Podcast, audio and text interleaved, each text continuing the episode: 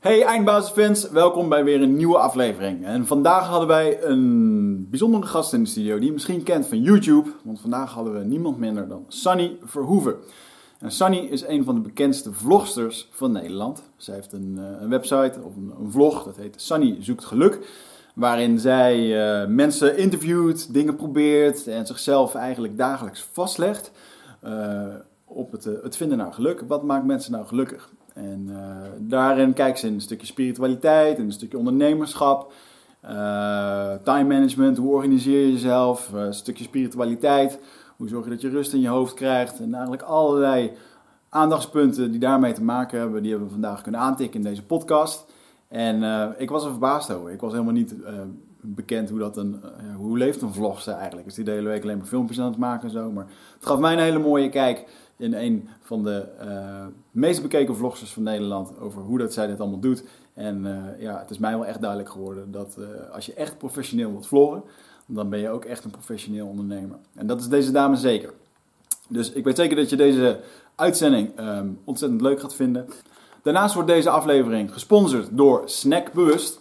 En Snackbewust, die, dat is een website waarin je maandelijkse abonnementen kan nemen op gezonde snacks. En ik heb hier bijvoorbeeld uh, paranoten in, in, mijn hand. Super lekker, organisch, biologisch. En um, ja, als je eigenlijk op zoek bent naar bewuste snacks en um, je wil gezond eten, dan kun je daar je abonnement afsluiten. En dan krijg je iedere maand opnieuw jouw pakket toegestuurd met gezonde snacks. Hoe makkelijk en ook totaal van deze tijd.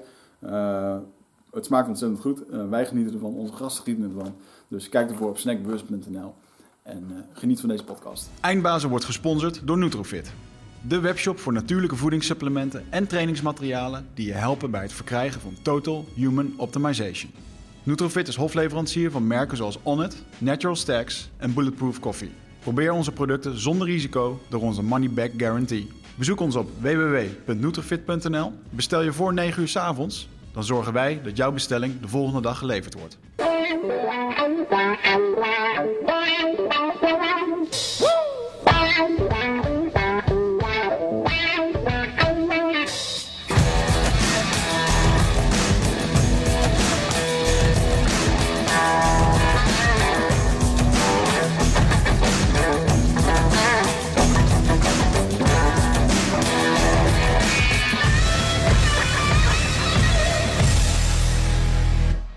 We're back. It's another one. Hey, um, hoe is het? Goed, het gaat lekker. What have you been up to? Ja, druk geweest met allerlei mooie dingen. Um, maar wat wel redelijk prominent uh, op mijn lijstje staat met uh, activiteiten... zijn uh, de dingen die we nu aan het doen zijn voor 12 Waves. We hebben laatst een nieuwe website online gebracht, 12waves.com. Als je nog niet gekeken hebt, zou ik dat zeker eens even doen. Dan geven we ons 12 Waves protocol, uh, geven we daar... Uh, 12-waves. 12-waves.com. Geven we daar gratis weg. En um, ja man, dat, dat loopt leuk. En een van de leukste spin-offs die 12 Waves inmiddels heeft gegenereerd zijn de masterminds. Um, die we door het hele land nu aan het uitrollen zijn. En voor mensen die dat niet weten. Um, masterminds zijn eigenlijk groepjes van ongeveer nou ja, 10 tot 12 mensen we beginnen bij een aantal van, uh, van zes.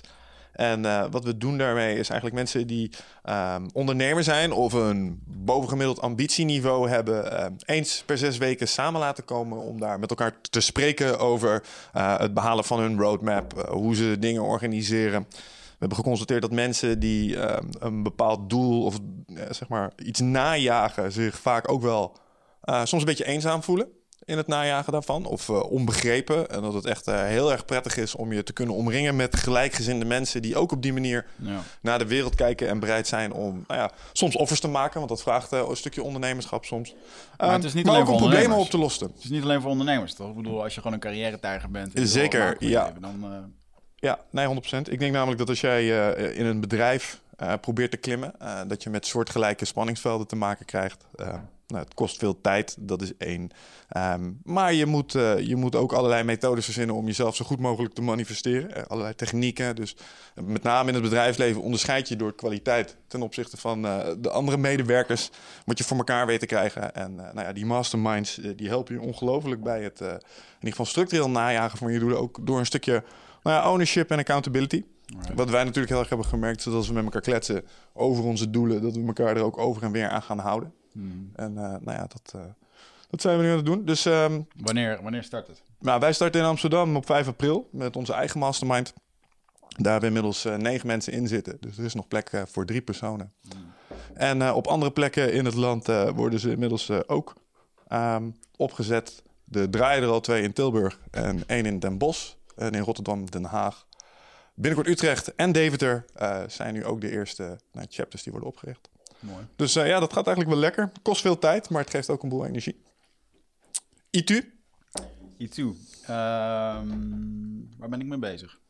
Laat man. Ik ben veel met Nutelverbeters geweest de laatste tijd. Mm. En ik heb een cool nieuw eh, ding. Eh Lion's Mane. Koffie. Of thee is het. Gemaakt van Lion's Mane. Een soort paddenstoel. En dan ga je beter voor concentreren. En eh, het maakt ook nieuwe hersencellen aan en dat soort dingen. En het klinkt dan heel erg... We weten allemaal dat jij dat wel kan gebruiken.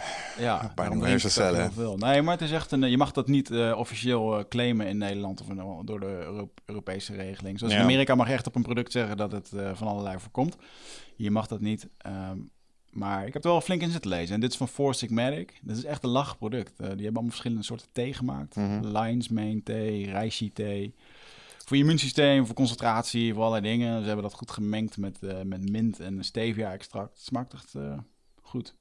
Dus Ja. Dit ehm, ben ik leuk mee bezig geweest om dat om in te kopen en te doen. Dat hebben we nu. En ehm, er staat ook op: Give your brain a hug. Ja, dat is mooi. ja, en I like it, man. Het is eh, goed spul. Het is gewoon ehm, natuurlijk, organic. Dus op nutrifit.nl, mensen. Eh, ja, ik ben nog zo... Een live crafting seminar moeten we ook nog eventjes Oh ja, ja, ja. in hetzelfde kader van eh, de Masterminds 12 Wave zijn we ook iets, ehm, iets aan het uitrollen voor de luisteraars van Eindbazen. Ehm, we merken heel vaak dat er vragen binnenkomen over het vinden van je passie, het stellen van doelen, hoe werk je gestructureerd ergens naartoe. Toen hebben we bedacht, eh, we willen eigenlijk eens een keer een training gaan geven. ehm, die niet alleen maar eh, toegankelijk is voor mensen met een leuk budget vanuit het bedrijfsleven.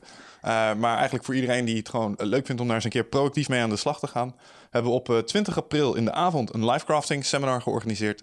En ehm, als je kijkt op eh www.eindbazen.nl in de shop, dan kun je daar eventueel een kaartje voor bestellen. Het zijn 12,50, dus dat is ongelooflijk overzichtelijk. Gewoon een donatie. Dus eigenlijk is het gewoon een donatie om de eindbasisshow ook een beetje te sponsoren. Als je het leuk vindt om daarbij eh, aanwezig te zijn. En om ons een keer eh, Hier op kantoor is het. hier op kantoor, eh, hier in de studio. eh, dus als je dat leuk vindt, eh, ja, kijk op de website en eh buy your tickets. You're welcome. Vanochtend stond ik onder de douche. En toen dacht ik, eh, met de gast die we vandaag hebben... eh, zou het leuk zijn als ik zometeen eventjes mijn ochtendritueel ga filmen. dus dat ik eh, onder de douche dan mijn tanden poets, mijn ontbijt maak. En toen keek ik op de klok, toen had ik eigenlijk alweer geen tijd. En toen dacht ik van ja, ga ik dit nu doen? Hmm. Toen werd dat, werd dat gevoel al minder, van moet ik dat nu allemaal gaan filmen? En ik zag mezelf wel in de auto zitten en even een introotje bekletsen en zo. En toen dacht ik, weet je, het gaat niet werken, laat maar. En ehm, ja, je ziet het natuurlijk wel, het is wel echt een fenomeen eh, aan het worden. Het is, ja, het is wel een fenomeen van deze tijd, hè? dat je eh, een vlogger bent. Zeker. En eh, een vlogger die, eh, wat doet hij? Ja, die houdt gewoon videologs bij. Die continu met die camera op zijn snuffert zit. Om het te laten zien waar ze mee bezig is, hij of zij. En eh, ja, ik ben wel heel erg blij dat we vandaag een van de beste bloggers van Nederland in de studio hebben. Dankjewel. En dat is eh Sunny Verhoeven. Yes. En jij eh, hebt een blog. Ben je eigenlijk origineel gestart met het blog Sunny zoekt geluk? In de zin van, ik ga gewoon blogjes typen? Nee. Nee, ik, ben, ik doe eigenlijk alles op mijn eigen manier totaal verkeerd om. Dus ik was eigenlijk presentatrice en had een tv-programma. Oké. Toen dacht ik, ik wil mijn eigen programma, ik ga YouTuben. En toen dacht ik, oh, ik wil eigenlijk ook wel wat schrijven. Laat ik een blog beginnen. Dus ik doe eigenlijk alles verkeerd om. Hmm. Ja. Wat, wat deed je? Wat deed je op televisie? Wat presenteerde je? Eh, ik presenteerde voor RTL 4 ja, verschillende programma's. Ik eh, ben ooit begonnen bij SchoolTV als eh presentatrice. En daar maakte ik educatieve programma's vanaf mijn negentiende. En in de loop der jaren heb ik allerlei entertainmentprogramma's gedaan. Ja. Ja. Wat, wat deed je bij... wat voor programma presenteerde je? Eh, ik, ben, ik heb eigenlijk een achtergrond als actrice. En ik ben eh, naast het acteren ben ik... eh Wiggert! Ik krijg taart, toch? Tenminste, die regel heb ik altijd. Als de telefoon afgaat, Echt waar? krijg je taart. Ik vind het wel een goeie. Ja, moet wij, doen niet aan, wij doen niet aan taart, wij doen wel aan paranoten en Oh, ja, aan ja, ja. mandelen en dat soort dingen. Dus, Maar je hebt ook een hele gezonde taart met belangrijk. paranoten en amandelen. Dat is heel slecht inderdaad, maar ik... eh, ja. ah, alhoewel, de laatste twee keer dat de Hey, maar telefoon... trouwens, het is mijn studio, dus... eh, Ja, Het is eh, even, het is onze studio. En Ja. ehm, de laatste twee keer... Somebody got... nee, grapje. De laatste keer dat de telefoon ging eh, en hij hem opnam tijdens de podcast... eh, was het wel twee keer gewoon goud. Want de eerste keer was Oh. het de vrouw van Bob Schrijver die belde. Die werd toen opgenomen. Maar dat was nou, die belde naar Bob zelf. Ja, zou raar zijn geweest als die jou had gebeld trouwens. La, Wel een beetje. Nee, de laatste was met de Koonvloot. Ja, en toen was ik belde sponsor. Koonvloot de tweede keer. Toen heb je ook opgepakt. Want Ja. toen kregen we een sponsor erbij. Nu was het het Brabants Dagblad die een interview met mij wil doen. Echt? Ja. Ja, doe dat even ondertussen. Nee, Dan ik had gewoon verder. opgepakt als ik jou was. Ja, Nee, nee, want de afspraak die eh, wordt even verzet, dus dat eh, loopt allemaal. Nou. Anyway, Anyway, anyways, waar was ik? ik weet bij, niet. Oh ja, eh, ik weet het alweer. Ja, nou dat is mijn achtergrond. Dus ik eh, wilde altijd presenteren eh, en, en acteren. En dat heb ik ook gedaan. Ehm, en ik ben op mijn negentiende bij Schooltv begonnen. Ah, Eh, dus ik, ik was zowel actrice als presentatrice. Daar maakte ik eigenlijk allerlei leuke educatieve programma's voor kinderen. Dat heb je zelfs op de middelbare school nog. Is dat wat ik op de basisschool keek? Van Ja, die, je hebt het, eh, ja, zeker. Ja. Ja. Het, is, het wordt zelfs nog uitgezonden. Dat is ook de grap. Op YouTube krijg ik heel vaak reacties van kinderen die me in de klas... dus dan zit ik een natuurkundig programma te doen. En dan kennen ze me van YouTube. Dan denken ze, hè? Maar dat is dus van heel veel jaar geleden. Maar eh, uit welk jaargetal ben jij eh, ik wou net zeggen, ik zit even te rekenen nu. Nee, maar Schotve bestaat nog steeds, wordt ook nog steeds gemaakt. Hè? Ja, maar jij hebt het ook meegemaakt toen jij in de basisschool zat, Zeker, toch? ja. Dat is gewoon Ja, een en jij hebt op de basisschool Ja. niet haar gezien. Nee, dat dat, lijkt kan me heel niet. sterk, Nee, ja. dat kan niet. Nee. nee, maar kinderen nu nog, nog wel. Dus ja, daar ben ik ooit begonnen met eigenlijk het vak leren, presenteren. En eh, gaandeweg heb ik allerlei programma's gedaan. Ik eh, heb Kampeer TV bij RTL 4 gedaan. Ik heb Go Cycling gedaan. Ik doe nu nog wel Off Piste, nog één programma op RTL 4. Eh, wat een skiprogramma of een wintersportprogramma is. Super tof. Ja, En ja, van alles eigenlijk. Ja. mooi. Ja. Heb jij dat ooit aangetrokken, Mick, om op televisie te staan? Ik weet nog vroeger, dat, toen keek ik als klein mannetje TMF en MTV. En ik wilde super graag zo'n VJ worden. Want Dan kon ik ook die TMF Awards doen en zo. Ja. was, en toen had je ook alleen maar, er waren maar een paar zenders, dus dan was dat cool. Ja. Ik weet nog dat ik echt naar die Fabienne de Vries keek en die Jeroen Post en zo. Dat ik dacht van, wauw, dat die hebben het leven, weet je wel. Ja. ja, nee, eigenlijk helemaal niet zo. Nee? die ambitie eigenlijk nooit gevoeld. Nee, nee, maar dat zat met name, de, zeg maar, het programma is het type programma waar je het over hebt, zeg maar, die reisprogramma's en zo. Dat leek me allemaal, heel- nou, nee, dat is niet helemaal waar. Expeditie Robinson, dat leek me dan nog wel geinig om daar mee te Je kan je nu opgeven, hè? Wist ja, je dat? dat weet ik Hey, wel. we hebben maar- connecties gozer, we kunnen dat doen. hey, je kan meedoen, hè? Oh, oh, Hey, nou, iets gezegd. nee, de dude die dit bedacht heeft en produceert, die, kennen wij, ja. Dus ehm Ja. doe het, man. Ja. Ja, dat is misschien wel lachen. Maar Maar dat is eigenlijk luisteraars, als je vindt dat Michel zich moet opgeven. Ja, bel nu. Nee, maar wat, wat, me, eh, wat me nooit zo aantrok aan tv op zich was... ehm, eh, ik denk ook wel eh, een klein beetje het format. Ik, ik denk dat als je zeg maar, op tv gaat als zijnde iemand die daar produceert... wordt er van bovenhand redelijk rigide bepaald... wat je wel en wat je niet mag zeggen. En zo. En dat, dat leek me een, een belemmering in het creatieve. En dat is misschien waarom ik podcast en het internet... en misschien ook waarom jij het sprongetje naar een YouTube-kanaal ook wel hebt gemaakt. Ja. En wij zijn echt helemaal vrij in doen en laten wat we willen hier. En dat is wel echt een ongekende luxe. Niemand mengt zich in je agenda. En daar zat, zat altijd mijn twijfel. Aan de andere kant, bekend persoon zijn lijkt me ook zo... mm, ik weet, dat kent ook zo zijn voor- en zijn nadelen. Je wordt nu ook herkend. Ja, maar eh, niet Nee, in de mate nee, waarop een BNR bekend, eh, bekend is, zeg Niet, maar. niet, niet zoals ik. Nee, niet zo snel. Laatst liepen we op straat, werd hij gewoon herkend. Hé, hey, dat is weer gebeurd, man. Hij zo echt super lomp ook. Ja, ja, ja, je zoekt me maar op op social Nee, media. nee, je moet nee, door. nee, ja, liep hij ook gewoon ja, door. Wat nee. een arrogante Ah, Nee, nee, nee, Hij liep met een sporttas van een zwarte banden die hij moest brengen. Nee, dit was echt een gehaast eh, moment waarbij ik door drie mensen werd gebeld dat ik snel ergens heen moest komen, met drie tassen rondliep.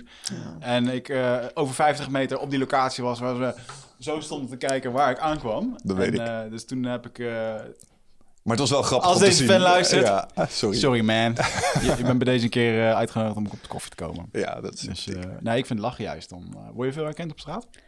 Ja, best wel eigenlijk. Ja. Ja, ik vind het wel heel erg leuk. Het is een ander soort bekendheid dan die je hebt als je bijvoorbeeld eh, in een serie speelt of toch meer bekend bent van tv. Ja. Mensen kennen me nu beter eh, of eh, die kennen, hebben het gevoel dat ze me kennen, omdat Ja. ik heel veel deel over mijn leven. Ja. En daardoor zijn ze ook altijd heel erg normaal en leuk en lief, Mhm. omdat ze me kennen. Ik heb nooit vervelende reacties die, van mensen die gaan schreeuwen of zo. Ik heb sowieso heel weinig haters. Misschien komt dat nog, ik weet het niet. Maar ja, ik vind dat heel leuk. Dus ik heb hele leuke gesprekken ook met die mensen. Heb jij niet, dat heb ik een paar keer ervaren. En dat is grappig dat ik, eh, ik ben deze podcast eh, begonnen.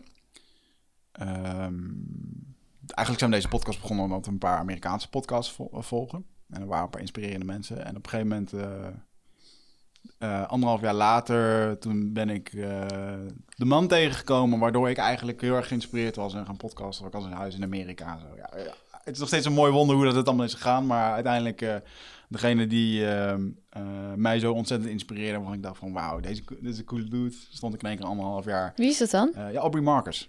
Oké. Dat is een ondernemer in Amerika, fitnesssupplementen, dat onnet wat wij ook verkopen hier. Daar hebben we mhm. distributie van gekregen. En um, uh, je zit het ding te wijzen. Ja. En uh, nou ja, die, die man zat ook allemaal heel veel over uh, zijn reis naar Peru te vertellen, waar hij ayahuasca had gedaan. En, en ik was er, dus, en dat die twee mannen, ondergetatoeëerd, gewoon die sportgasten, over allerlei onderwerpen zaten te praten, zoals wetenschap, spiritualiteit, liefde. En dacht ik echt van, dit is zo'n rare combinatie. Dit past helemaal niet meer, maar ik vond het zo ontzettend gaaf. Dus schijnbaar kon het, weet je, daar had ik ja. er helemaal niet over nagedacht. En uh, ja, uh, vraag me niet hoe dat is gegaan. Maar anderhalf jaar later stond ik bij die man in zijn, in zijn huis in Amerika. Samen dronken te worden. Een goede tijd te hebben. En, ja, dat was heel cool. Dat heeft het universum vast voor je geregeld. Ja, zeker. Ja, dat is, ja, dat is gewoon doelen stellen en uh, groot durven dromen. Ja, dat is natuurlijk wat het internet doet. En dat is ook de hele reden waarom ik uh, ben begonnen online. Ik had het idee van, nou ja, er was niks op tv over bewustzijn. En ik had bepaalde dingen meegemaakt waarvan ik dacht van, nou, ik wil meer mensen gaan inspireren. Mhm. Maar op het moment dat je het, het hele tv-circuit ingaat, dat weet ik, omdat ik al heel vaak ook in pilots van andere mensen heb gezeten, dan wordt inderdaad iemand anders de baas. Vervolgens komen er nog allemaal sponsors bij. Moet je naast de leuke dingen die je graag wil doen, moet je ook een aantal dingen verkopen waar je niet per se achter staat.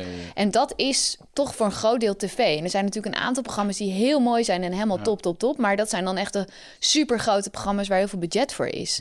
Dus toen had ik wel, het komt ook door mijn man, dat, dat hij zei: ga online. En uh, ik vond dat heel spannend, omdat ik helemaal geen uh, kaas gegeten had van online. Ja. Maar uiteindelijk heb ik het toch, uh, heb ik toch die stap durven zetten. En dat was wel echt een hele goeie. Ja, ik wil nog even terugkomen wat ik aan het vertellen was. Hè? Dat ik ehm, dus daar bij hem was. En ik had, denk ik, 60 uur materiaal van die man gehoord. Ja. Dan ken je iemand best aardig. Ja. Als mensen onze podcast kijken, dan weet je heel veel van mij. En uh, hij had mij nog nooit gezien. Ja, een beetje e-mailcontact. En op een gegeven moment stonden we daar. En uh, dat, toen merkte ik eigenlijk aan mezelf dat ik, uh, ik... Ik was heel erg enthousiast om over allerlei dingen te praten waar hij het over gehad had. En ja, hij heeft ook gewoon een eigen leven, weet je. Het is niet alleen die podcast en that's it. En ik merk dat ik nu hetzelfde ervaar dat als ik fans spreek, dat ze heel veel over mij weten en terugrefereren naar dingen die ik heb gezegd en waar ik ja. al van denk van, eh, heb ik dat gezegd? Ja. Wat vind je daarvan? Ja, dat is heel, het is heel moeilijk om, uh, dus eigenlijk uh, kom je een onbekend iemand tegen ja. die heel diep met jou wil gaan in één keer, omdat hij jou helemaal kent. Ja, van 0 naar 100. Heeft ook die ja, van 0 naar 100. en dan is het echt zo, wow, moet ik soms wel eens schakelen. Vind ik wel. Ken je dit dan ook dat je het gevoel hebt dat je 4-0 achter staat of zo in zo'n dynamiek? Ja, dat herken ik wel. Maar wat, wat ik ook heel vaak meemaak, en dat vind ik heel komisch, is dat mensen me zien lopen bijvoorbeeld op straat. En dan reageren ze vanuit hun enthousiasme van: hey, jij bent toch Sunny? En dan hup, staan ze voor mijn neus. En vervolgens schrikken ze van hun eigen reactie. En denken ze: oh mijn god, ik weet niet wat ik moet zeggen. Want, en dan zeggen ze ook vaak: oh, dit is zo ongemakkelijk, want ik weet alles over jou en jij niks over mij. En dan zie je ze gewoon letterlijk fysiek wegdruipen naar achter van: mag ik hier weg? Omdat ze het soms gewoon niet weten wat ze moeten doen. Maar jij hebt vast inmiddels wel een paar leuke trucjes ontwikkeld om die situatie enigszins uh, gemakkelijker te nou, maken voor iedereen. Ja, nou ja, ik vraag gewoon heel vaak, breng het terug naar het moment van wat ben je aan het doen? Uh, meestal zijn ze dan aan het winkelen of zo. Heb je iets leuks gedaan of kom je als vaker in Amsterdam? Hmm. Dat doe ik dan om het even een beetje te sussen. Ja. ja. Wat, wat doe jij, Wigert, in zo'n geval? Uh, nee, nu ik vind het super... Nee, ik, Ik blijf, blijf gewoon stil en blijf ze strak aankijken. dat is super ongemakkelijk, weet je Ja, man. Nee, nee. Dat ze naar hun schoenen gaan kijken. Uh, nee, man. Ik, uh, ik vind het wel leuk om even het gesprek aan te gaan en te vragen van... Uh, wat was je leukste podcast? Ja, en, precies. ja. ja. Heel leuk om die gesprek te hebben. En, ja. ja. Nou, ik heb het... Ehm, ik zat er laatst eens over te denken van... zeker met lezingen vind ik het heel erg leuk. Als je bijvoorbeeld een evenement doet of zo... dan merk je gewoon echt fans naar jou toe komen, omdat ze jou willen horen. En dan merk je echt het enthousiasme en dat, uh, dat is leuk man, je inspireert mensen echt wel. Ja, ik weet nog dat we bij Erasmus MC waren, dat we daar dat praatje mochten geven. En toen op een gegeven moment zat ik eventjes te kijken, zeg maar. En toen zag ik echt een, een genietende Wiggert. Er stonden zeg maar een aantal studenten om hem heen en die waren gefascineerd aan het luisteren naar de dingen die hij aan het vertellen was, weet je wel. En dan zie je iemand gewoon je mag over je eigen materie kletsen en, en, mensen doen er iets mee. En dat vind ik, dat vind ik misschien nog wat allerleukst. Als je terugkrijgt dat het ze geraakt heeft. En de thema's die jij bespreekt, op je vlog, die gaan ook mensen aan, vaak aan het hart. Mhm. En we hebben veel ook over spiritualiteit en eh Wigert nog wel meer over relaties en dat soort dingen. En dan merk je toch heel erg als je kijkt naar de feedback die dat genereert, omdat het zo open is, dat mensen er ook echt iets uit kunnen halen, wat ze in hun eigen leven dan kunnen gebruiken en wat ze voordeel geeft. En dat zijn altijd, de, ik denk dat jij ook wel mail krijgt. Eh, als ik berichtjes, Zeker, ja, ja, Facebook berichtjes en dat soort dingen lees, eh, waar een dergelijk thema in zit, dat we echt mensen hebben geraakt. Dat vind ik echt een van de bijzonderste dingen. Aan, Ja. aan dit, aan dit spelletje, zeg maar, wat we hier, Ja. wat we Ja, hier dat doen. is ook waar ik het zelf echt voor doe. Ja. Maar dat is ook tegelijkertijd heel moeilijk, want ik krijg heel veel e-mails. En ik heb eh, afgelopen zondag in eh, mijn weekvlog toch gezegd van... jongens, stuur me geen e-mail meer. Want ik word er helemaal gek van. ja. En eh, je moet gewoon je grens ook aangeven. En ik kreeg zoveel. Dus nu beantwoord ik nog steeds vragen, maar onder mijn YouTube-video's. Dan Ja. is het ook specifiek over een onderwerp. Of op mijn blog, onder een blogpost. Dubbele stad, hè? Ja, ja, Ja. Het is, je, je wordt steeds succesvoller en je krijgt steeds meer. Maar ik krijg het op Facebook, ik krijg het op Instagram. eh, ik krijg het, weet je, overal. En ik merkte ineens dat ik, nou ja, gewoon echt een beetje... dat, ik, dat mensen me gingen mailen en dat ik dacht, ah, ga weg, weet je wel. Nou, dat en dus. dat, toen die reactie kwam, dacht ik, wow. Normaal kreeg ik tranen in mijn ogen en dacht ik, wauw, wat lief. Ja. En nu dacht ik, oké, kennelijk is dit mijn grens. Wat grappig. Ik, we Ja. waren laatst bij Matthias eh, Scholten en toen ging het even over WhatsApp. En toen raakte eigenlijk een soort van onbewust deze snaar, omdat het ging over... eh, ik, ik werd helemaal gek van die telefoon, omdat Ja. zo- elke keer als je hem opent staan er zoveel berichten, zoveel dit, dat, dat. gemiste oproepen. Waar je van alles mee moet doen. En eh, in het begin vind je het echt allemaal super cool. En dan denk je, ah, het loopt. En op een gegeven moment slaat het een soort van om. En Ja. ik herken heel erg wat je zegt, dat je denkt, ja, maar oh, is, dit is precies wat je wilde. Dit, Ja. dit zou leuk moeten zijn. Waarom Ja. loop je hier in godsnaam zo op te zeuren? Wat is dit, dude? Weet je wel? Dan kan je daar weer lekker En dan ben je over. eerst heel lang bezig met het leuk moeten vinden van jezelf. Dit is wat ik wil, dit is wat ik wil. En dan denk je op een gegeven moment, nee, dit is Ik eigenlijk... heb hem wel eens gevraagd. Je hart of- zegt wat anders. Ja, wat, wat moet ik nou? eh, Soms delen we die berichten ook weer. Soms zijn ze op de persoon, zeg maar. En dan krijg ik een bericht op het algemene kanaal of andersom. En dan zeg ik, ja, ik weet echt niet hoe ik hier... Oh, moet- ik wil het niet laten liggen. Ik moet, en, en in het begin zeiden we, ja, je moet er liefdevol op reageren. Dus wel vanuit, eh, dank je. Maar als je het allemaal moet doen, dan word je op een gegeven moment ook... Ja, je loopt Ja. ik... En ik kan niet iemand anders ervoor vragen, want het is mega persoonlijk, weet je. Dus dat maakt het Nou, dat. gewoon lastig. Ja, Ja. Nou, we, hebben, we hebben dat wel nu opgevangen voor eh, een groot deel. Ja, de mail. Hoe dan? Nou, la- laat ik het zo zeggen. eh, Instagram eh, beheert bij ons iemand anders. Een van Ja. de vrijwilligers. Wij werken met een team eindbasisvrijwilligers. Super goede gasten. Shout-out! Shout-out naar de vrijwilligers, de En, tribe. eh, ja. Ons Klaas die doet dat eh, mooi en dat is cool en die vindt het ook leuk. En eh, ik, ja, er komt zoveel bij kijken. Dat, dat, het is niet alleen de camera aan en eh daar we Nee. het straks over hebben. Over, eigenlijk is het als het kan best wel eenzaam zijn om hier allemaal maar mee bezig te zijn achter je computertje. Om voor al die, als je dat voor al die reacties doet, nee, dan maak je jezelf helemaal zielig mee eigenlijk. Mm. Weet je? En, ehm, dus ja, dat doen we niet. Eh, Facebook wordt ook beheerd. De eindbasis Facebookpagina door... ehm En e-mail? ik kon niet op zijn naam komen. Come on, man. Denk jij even na. Dion, ja, Ja, hè, Dion, fuck. Zoveel namen. Dion, die doet dat lekker. En eh, de blogs die worden voor ons eh, deels geschreven. We hebben gastbloggers Oh, en zo. En eh, ja, we maken gewoon die content. Nou ja, ik weet gewoon dat de, onze kracht ligt niet in, ehm, in het bloggen. Dus we weten dat we het graag willen doen. We moeten het doen. Eh, als anderen daarin bij kunnen dragen, dan vind ik dat ook top. En ehm, ja, dus zo proberen we dat een beetje te ontzorgen. En voor wat betreft alle eindbazen e-mails, joh, dat is het. Eh, omdat we hier zo open zijn en kwetsbaar over van alles en nog wat, krijgen we soms gewoon mails van, van drie A4'tjes. Ja, I know. Waar mensen een hele hebben en houden schreeuwen. En het is eigenlijk...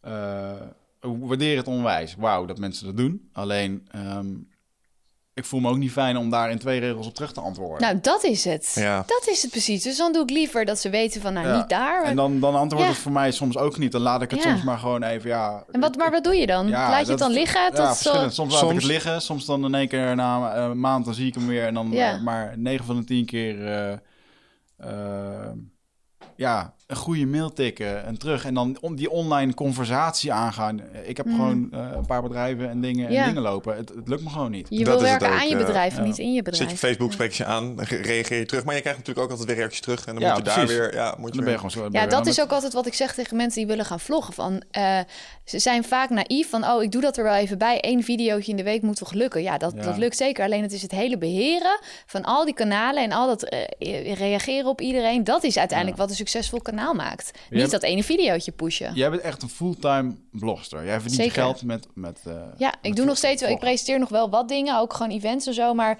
ik ben dat grappig genoeg steeds meer aan het afbouwen. Dus het was lange tijd echt mijn droom: presenteren, tv-programma's. Ja.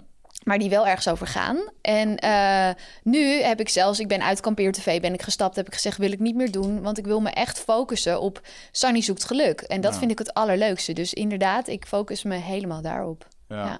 Ben wel, uh, dan ga ik gewoon direct vragen. Wat is dan het verdienmodel van een uh, vlogster?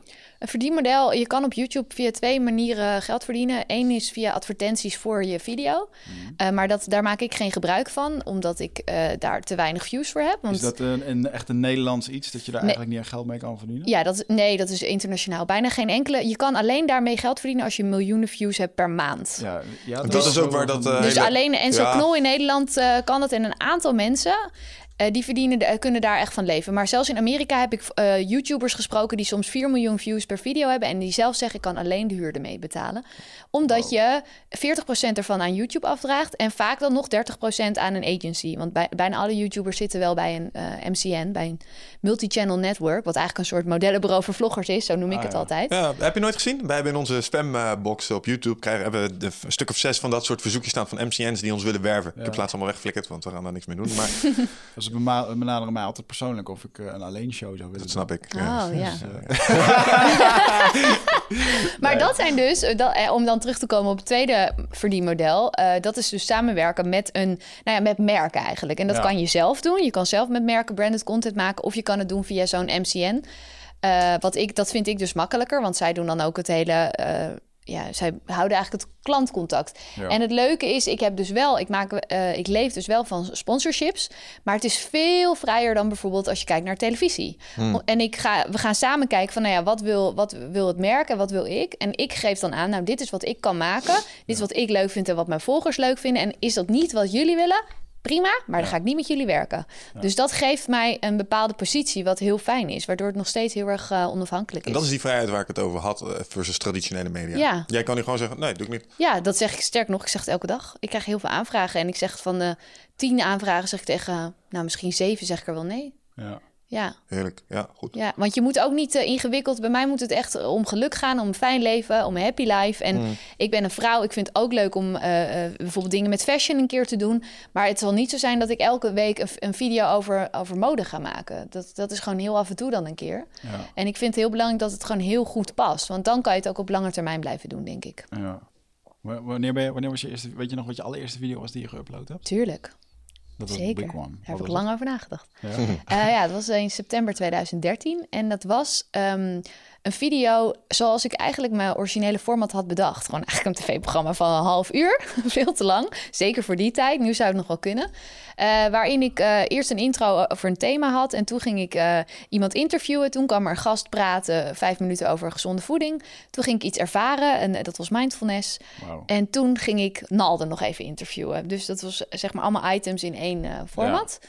En, uh, en iedereen zei ook, ja, dat is veel te lang. Maar ik wilde het proberen. En uiteindelijk ben ik er toch van afgestapt. En nu uh, doe ik al die items, al die losse interviews, die post ik wel, maar dan los. Dus ja. vooral voor interviews of dingen ervaren. Gesprekken met mensen ook, wat jullie eigenlijk ook doen. Welk jaar ja. was dat? dat, je dat uh, 2013, ja. Dus ik doe het nu bijna vier jaar. Vier jaar. Ja. Heb je spijt van? nee. Nee, nee, het valt zo op. Mijn hele leven valt op zijn plek. Want je hebt natuurlijk allerlei dingen. Uh, ook als ik kijk naar mijn acteercarrière, ik, dat is nooit helemaal van de grond gekomen. En dat vond ik toen heel erg. Maar nu snap ik dat uh, ik überhaupt die hele acteeropleiding heb gedaan om veel meer spiritueel mezelf te ontwikkelen, om veel meer bewustzijn te creëren en om uh, te kijken ook naar de verschillende rollen. Ik vind menselijk gedrag gewoon onwijs interessant. En so sommige mensen gaan psychologie studeren. Ja, ik ging het, ik ging het doen. Ik ging die rollen spelen. Ja. Uh, maar nu snap ik eigenlijk waarom ik hier terecht ben gekomen. Dat klopt gewoon. Dus nee, ik heb er nooit spijt van gehad. Ja. Nee, maar het is wel zo dat ik wel af en toe denk oh ja, toen ik nog gewoon presentatrice was, had ik soms dagen vrij. Ja. En dan had je altijd het hollen of stilstaan principe, het echte freelance leven, van af en toe keihard werken en dan weer even helemaal niks. Ja. En dat vond ik zo fijn, die vrijheid. En nu merk ik dat ik toch echt een, een hele drukke baan heb. Ik werk echt, uh, nou ja, 60 uur, nou, misschien nu iets minder dan 60 uur per week, omdat ik er heel actief mee bezig ben. Maar um, ja, je moet elke dag van alles. En ik ben daar nu dus nu weer ruimte in aan het creëren. Van hoe ja. kan je wel dingen bereiken, maar zonder dat je je hele dag vol gepropt zit. Kun je een paar van die moedjes benoemen? Want ik vind het heel leuk dat je een van de thema's die jij op je website hebt, is ook een stukje productiviteit, time management. Vind mm -hmm. ik zelf heel fascinerend onderwerp. Ik ook. Um, hoe ga je met dat soort dingen om? Wat zijn dingen die, uh, bijvoorbeeld activiteiten, die nu plots die ik moet doen. Die, die opdoemen waarvan je denkt van jeetje, als ik dit kan afstoten, dan het liefst zo snel mogelijk. Mm, nou, afstoten dat is dus het ding. Als ik het echt niet wil, dan had... dan Oké, mijn e-mail is dan nu even op dit moment het enige wat ik echt niet meer wil. Maar alle, alle dingen die ik doe, vind ik... eh, de ene is natuurlijk wat leuker dan het ander... maar er is niks wat ik doe wat ik echt stom vind. Want anders zou ik het niet doen. Ehm, maar er zijn wel gewoon dingen. eh, bijvoorbeeld, Instagram is zo'n ding.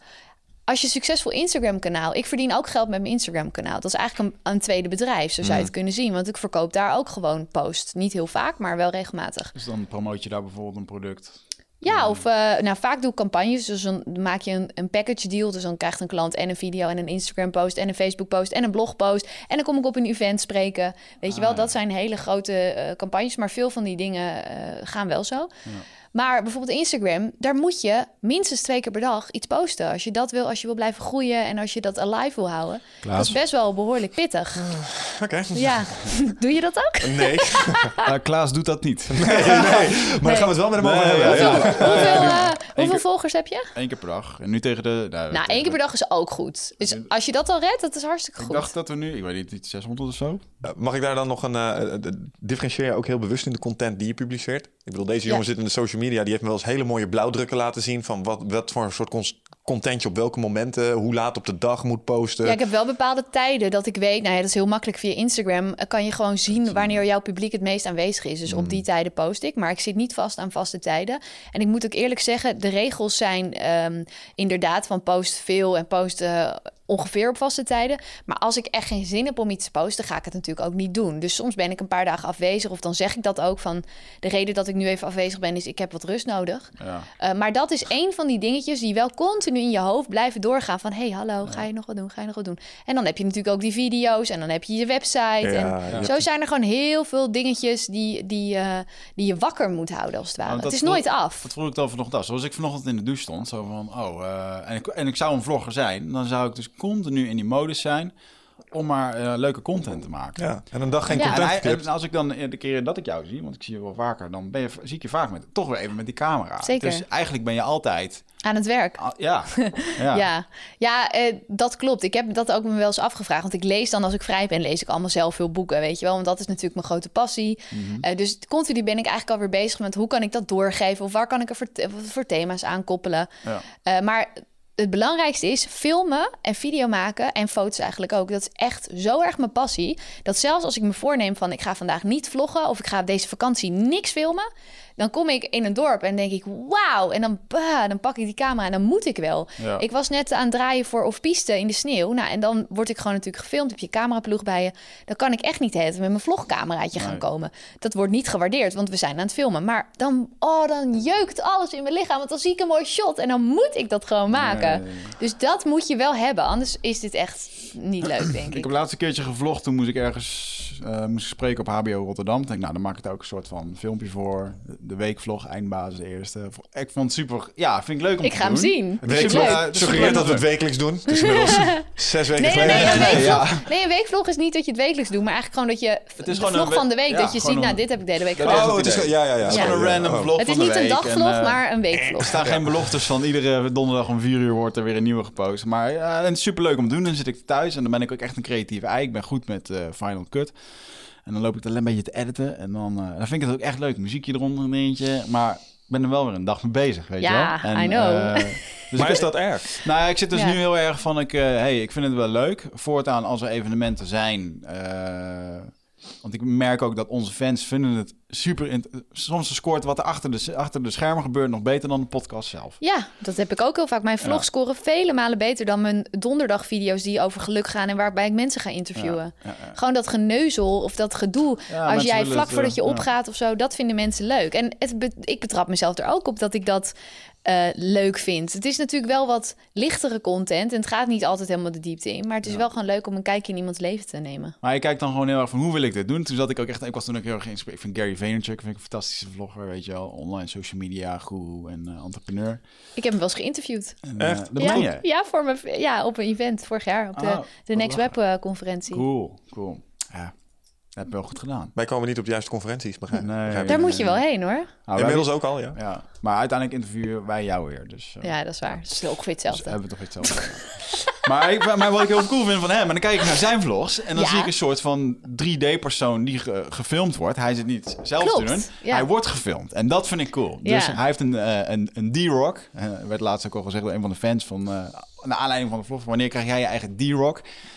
En dat is gewoon een financiële kwestie. maar Wacht zo'n- even, een D-Rock is die camera of zo? D-Rock is zijn cameraman Ja? die hem Oh, gewoon man. heel de week vo- volgt. Ja. En eh, dat vind ik ook heel cool dat hij dat dan doet. Iedere keer als hij iets nodig heeft, of een personal trainer of een cameraman, dan gooit hij dat op social media. Dan kunnen mensen reageren. Krijgt hij honderden aanmeldingen. En dan zegt hij ook gewoon van, gast, je gaat gewoon hard werken bij mij, maar ik ga je wel alles leren. En je ziet ook hoe dat dan af en toe weer die personal trainer van hem eh, instrueert over filmpjes. En dan was het laatst mooi. Dan zat die gozer, ja man, ik heb gisteren mijn beste filmpje ooit gemaakt over pull-ups en dingen. Het werd gewoon niet bekeken. en toen zei die Gary ook... Joh, het is niet jij die bepaalt eh, wat, wat leuke content is. Het is het publiek, weet je. Ja. En eh, dat vond ik wel een hele mooie sterk. Maar anyway, hij heeft dus maar iemand vind ik die ook hem filmt. gevaarlijk hoor. En ik wil ja. uiteindelijk wil ik dus gewoon een soort D-Rock af en toe bij hebben... die mij dan gewoon filmt. Nou, Nog- daar zit je D-Rock. Ik zie hem al. Ja, ja. Ja, zit je erop te zo. wachten? Ik hele dag hier achter je met de camera en overal Nee, commentaar maar om geef. Ja, dat is zou ik het willen doen dat we bijvoorbeeld straks hebben bijvoorbeeld die, die live crafting seminar. Dan is het leuk om de, ons even onze dag te Ja. filmen en te doen. Mensen, meld je aan. We zijn op zoek naar een D-Rock. Ja, ah, ja niet, eh Geef het- vooralsnog. Geef het, geef het vijf jaar en jij hebt eh, een iPhone met een mini-drone erop met een camera die achter je zo dat zoekt. is al- dat- die zijn er al, Ja. dat, dat duurt nog maar even. Dan is dat Ja, je hebt een volledig hele vette overbodig. drone nu al. Ja, Die, dus eh, dan is dat niet eens meer nodig, joh. Maar ik wil, eh, en dan uiteindelijk, eh, ja, ik wil dat soort eh, filmpjes wel doen. Ik heb ook een heel mooi beeld over wat ik allemaal zelf wil eh, vloggen en, eh, en doen. Ehm, Maar waarom begin je niet gewoon? Nou, daar heb ik een vraag over. tijd, tijd en... eh, maar en echt, is dat echt tijd? Maar wil- oké, Wil wil, ik je, het? Wil ik het wil je het echt? Ja, Want dat dat, is dus de de vraag. vraag. Wil Nou- je het echt of is het slim om te doen? Nou, wat ik dus net- bijvoorbeeld net zei, dat ik dus gewoon op een random eh, day eh, onder de douche sta en dan al zit te denken over wat ik al moet filmen. eh, nou, word ik volgens mij geen blijer mens van. Ja, Doe ik het wel op een dag dat ik een keertje ergens mag spreken en ik doe dat dan op die manier, Ja. word ik er wel een Maar zo kan van. je beginnen. Want ik ben ook niet... Ik, eerlijk gezegd, als je mij vier jaar geleden had verteld dat ik vlogger zou zijn... had ik je echt keihard uitgelachen. Ja. Want ik eh, hou van mijn privacy. En ik dacht echt, nou, dat ga ik niet doen. Want eh, toen ik begon, ik ben ook eh, daar geleidelijk ingekomen. Ik had gewoon die video's over, over geluk. En, en ik gaf zelf tips voor de camera. Maar dat had niks met mijn persoonlijke leven te maken. Als in wel met mijn leven, maar ik liet verder niks zien. En toen dacht ik van, nou, ik wil eens wat dingen uitproberen. Dus toen ben ik de Helweek gaan doen. Dat is een boek van Bertrand Larsen. Ik ben nog... wat, ja, laten we het daar nog eens over Ja, hebben. Goed, anyways, ik ben verschillende dingen gaan doen. En toen dacht ik, nou, dat ga ik filmen natuurlijk vastleggen. Van hoe gaat het dan met me? En voel ik me nu gelukkiger of productiever? Hè? En dat vonden mensen zo leuk dat ze zeiden: kan je niet wat vaker een vlog opnemen? Nou, dat heb ik gedaan. Inderdaad, ook op event. Zo begin je dan. En dan krijg je een beetje de hang of it. Maar dan, is het nog, dan heb je nog een soort scriptje in je hoofd van: oké, eh, het begin en het eind en wat wordt het? En steeds meer begon ik dat leuker te, vonden en, eh, te vinden. En zo ben ik gaan, gaan eh, af en toe dus een dagvlog. En toen op een gegeven moment dacht ik: nou, ik ga een weekvlog doen. Want het is één ding om te vertellen dit is wat je moet doen om gelukkig te leven. Maar hoe ga je het dan ook echt doen? Ga dat maar eens laten zien, weet je. Dat is wat, wat ik graag wilde laten zien. En, en juist, hey, vandaag eet ik patat en vandaag voel ik me kut. Want het is niet alleen maar perfect. En ik sta heel erg voor die echtheid. Omdat er zoveel perfectheid is overal. Ja. Dat is voor mij de reden geweest dat ik dat wilde laten zien. En ja, tuurlijk moet je dan met de billen bloot. En af en toe zie je er ook fucking lelijk uit. Maar daar moet je dan doorheen breken. En- Maar het is stapje voor stapje gegaan. Echt niet zo van, nou, vandaag begin ik en ik ga elke Maar is dag dan me niet filmen. uiteindelijk de, de ver- vrijblijvendheid een verplichting geworden? Mm. Je hebt nu een verantwoording naar je fans, lijkt het wel. Ja, klopt. Nou, eh, zeker als ik ook andere eh, grote YouTubers spreek, dan hebben zij daar ook wel echt last van. Dat ze ook nou, sommige dingen delen die ze helemaal niet willen delen, omdat ze gewoon het gevoel hebben dat dat moet. Eh, ik heb daar niet zo heel erg last van. Maar ik weet wel dat ik natuurlijk twee keer per week moet ik een. Ik heb elke zondag een, een weekvlog en elke donderdag een geluksvideo. Dat noem ik ook geen vlog. Ehm, maar zoals vorige week had ik voor het eerst in jaren geen video gepost op donderdag. Omdat ik gewoon dacht, ik, ik ben op. Ik was echt even op, want ik had een heftige draaiperiode achter de rug. Dan moet je ook gewoon nee zeggen tegen jezelf. Het leuke is, mijn, mijn volgers die snappen dat. Omdat wij gewoon in die materie zitten. En jullie volgers snappen dat ook. Dus dit is ook weer, nu al ben je bezig eigenlijk met iets te verzinnen... wat het misschien in de weg zou gaan staan. Terwijl als je gewoon begint, Ja. dan kom je het vanzelf wel tegen. Maar desondanks, als je kijkt naar het stukje, eh, en dan komen we even terug op het stukje productiviteit. Ik bedoel, Ja. dat je het moet doen en waarom je het moet doen en dat het een goed idee is om het te doen, dat is allemaal helemaal duidelijk. Eh, maar als het gaat om videoproductie, en Mhm. dat is een, eh treedt er toch wel iets op. Dat, dat zie je ook als je schrijft. Ehm, en dat is, eh, wij hebben dat met name als online video's moeten maken. We maken online masterclasses. Ja. En ehm, dan, dan geef je mensen verdomme lessen over weerstand overwinnen en uitstelgedrag overwinnen. En dan moet je die video's maken. En heb je weerstand? Ja. Non, Ja. uur, dan ga je het hele spectrum door, Ja. zeg maar. En ik neem aan dat dat iets is eh, wat voor jou zeker gelet op de druk vanuit je eh, achterban, zeg maar. Die verwachten dat. Dus Ja. dat, dat is iets dat ze herkennen. Zeker, ja. Ja. ja. het zijn 36.000 mensen en die gaan echt op Twitter schreeuwen... hallo, waar is je video? Hoe ga je daarmee om? Wat, wat heb jij trucjes om daar goed mee te dealen?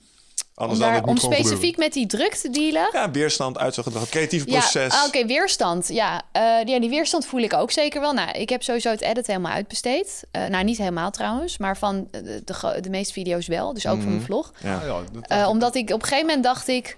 Wat wil ik? Weet je, één keer in zoveel tijd maak ik altijd voor mezelf even de balans op van... oké, waar sta ik nu? En alles in mijn leven, als ik kijk naar wat ik nu doe... is dat wat ik echt wil? En toen zag ik ineens van... hé, hey, ik ben soms één dag of wel twee dagen bezig met een interview editen. Wil ik een hele goede editor worden? Nee, helemaal niet. Dus hoe ga ik dit anders doen? En, en zo ben ik, eh, heb ik, nu heb ik verschillende editors die voor me werken. Eh, dus ja, dat is één ding. Maar hoe ik met die weerstand omga, is nooit pushen. Pushen werkt niet. Eh, ik ga dan liever, dan zoek ik af. Ik weet, ik heb een deadline. Ik moet met een video komen. Ja. Alleen op dat moment heb ik weerstand. Dus dan laat ik het even los. Dan ga ik bijvoorbeeld een Netflix-serie kijken of ik ga wandelen. Even iets anders. En dan probeer ik altijd weer het contact te maken met: oké, waarom wil ik dit? Wat is de reden achter dat ik dit wil? Ja. En dan ga ik het weer willen in plaats van moeten. Want dan denk ik aan die mensen die ik wil helpen of aan dat onderwerp wat ik wil vertellen. En vanuit daar komt er altijd weer een soort spark in mezelf van: oh ja, en dan heb ik weer inspiratie en dan ga ik weer aan de slag. Oh, dit klinkt echt heel goed. De, de- je maakt hier iets concreet wat ik... eh, ik heb dit mezelf dit zien doen eh, de afgelopen periode, zeg maar. Waarbij, eh, zeg maar, echt... ehm word je zo wakker? Ik ga nu verdomme gewoon die video opnemen. En, en- en dan moet het, zeg maar. Je Ja. bent echt wilskracht aan het aanspreken. En, en Ja. dan lukt het wel, maar daarna ben je tapped. Ja, Komt er niks meer uit je. nee. En als je iets anders doet, namelijk van... ik moet nu weer die wilskracht aanspreken, maar... Fuck it, laat maar. Ik ga nu gewoon echt even... Ik laat het even los. En dan Ja. zit je een half uur later of een uur later... zit je gewoon je werk te doen. Ja, En dan denk je echt van... hey, what the fuck? Ik dacht dat ik geen zin had. En eh, dan werkt het wel. Dus door, Ja. door het los te laten en niet eh, te... Ja, nou ja, ik herken heel erg wat ja. je zegt. Wat maar dat kan je dus ook bewust doen. Dus ik weet inmiddels allerlei maniertjes. Bij mij is het gewoon een blokje omwandelen over de grachten. Ja. Dat heb ik gewoon nodig. En dan, dan krijg ik het gevoel van zelf weer, maar vooral afleiding. Dus niet door blijven pushen of in je hoofd gaan zitten van... Het moet nu leuk zijn. Dat maar gaat dat nooit is hem. Die ene die jij net zei van het, het zelf weer willen. Want als je, als je het moet, dan is het even een klus. En als je het laat gaan en je gaat weer denken aan... ja, maar we moeten video's maken... want we willen heel graag die 12 Waves online training afkrijgen. En als we dat af hebben, dan kunnen we weer... En dan staat het weer in het grote plaatje. Ja, En dan ineens is het heel makkelijk om de discipline... of dan is het niet eens meer discipline Nee. aanspreken... dan is het gewoon lekker en bouwen. dan is het gewoon flow, ja. Ik heel merk, grappig hoe dat werkt. ik Ja. merk het altijd als ik eh, in drie seconden tijd door vijf tabbladen heen eh, klik. Dan weet ik dat het tijd is om de computer dicht te doen. eh. Hoe bedoel je? Ja, dan zit je gewoon te klikken. Ja. En, eh, Te klikken om te klikken. Eigenlijk en heel reactief te kijken. Heb je nog een mail? Heb je nog een dit? eh, oh, Facebook. eh. Ben ik wel benieuwd naar, ja. Is dat jouw manier van eh, afleiding zoeken? Eh, nee, want dan weet ik dat bij mij de tank leeg is. Oké. Ja, dat is Dan, want ik kan heel geconcentreerd en, eh, en werken. Dan ben ik nergens anders mee bezig. Eh, en op het moment als ik mezelf ga pushen van... oh ja, ik moet dit nog even doen... Mhm. ga ik toch weer verder. En dan zit, en, of bijvoorbeeld als je aan het typen bent... en je zit te kijken naar je scherm... maar er komt niks uit. Ja, dan moet En dan je- kost het ook vier dan- keer, vijf keer zoveel energie. En het wordt er ook niet beter van wat je aan het typen bent. Nee. Nee. Ja, aan de andere kant, ik heb ook wel eens een boekje gelezen. Dat heet eh, ehm, niet The Art of War, maar The War of Art. En dat omschrijft, ja, Oh, die omschrijft dit principe. Die zegt eigenlijk gewoon, iedereen die het creatieve proces, maakt niet uit wat je doet, schrijven, video maken, schilderen, die herkent dat. De behoefte om uit te stellen. Ja. Omdat er een soort van pijn zit in het creatieve proces. En met name die momenten dat je zit te vroeten en het lukt niet. Ehm, en wat hij, juist, eh, wat hij juist zegt is, joh, maar do the work. Want de, eh, en hij omschrijft dat een beetje antagonistisch. Hij zegt, de weerstand is eigenlijk, je moet het zien als een soort entiteit die echt erop uit is om jou te weerhouden van je, van je creatieve proces. En als jij maar lang genoeg werkt, overwin je dat. En dan komt er vanzelf, zoals hij dat noemt, inspiratie. De, mu, de muze, die, ko- die komt je influisteren. Maar daarvoor moet je eerst dat ongemak trotseren. En de beloning, hij, zeg maar, hij vergelijkt het ook wel met, je moet graven om de juweeltjes te vinden. Maar eerst moet je een heleboel troep verplaatsen voordat je het goud vindt. Ja, als je het zo naar kijkt, dan is het misschien ook makkelijker om het te accepteren, bedenk ik me nu. Omdat eigenlijk hoort het misschien wel bij elk creatieve proces dat je gewoon altijd even zo'n uitstelfase en het lukt niet fase hebt. Ik noem het als een ei leggen. Hey eindbazen luisteraar, dankjewel dat je zit te luisteren naar deze podcast. Ik onderbreek hem eventjes voor een hele belangrijke boodschap. Of misschien liever gezegd een uitnodiging. Want op 24, 25 en 26 mei, dan is er weer een nieuwe editie van Ride of Passage. Dat is mijn retreat voor persoonlijke ontwikkeling. En speciaal voor de mensen die op zoek zijn naar, ja, naar, helderheid. Of dat ze lastig bij hun gevoel kunnen komen. Dat ze moeilijke beslissingen moeten maken. En dat ze zo ontzettend in hun hoofd zitten. Ja, dat ze er eigenlijk gewoon niet meer goed uitkomen. Of dat ze misschien al heel lang in een, ja, een soort van oud gevoel zitten. Dat ze dat gevoel willen transformeren. Of misschien wil je gewoon een oud stuk achter je laten. Ergens een punt achter zetten.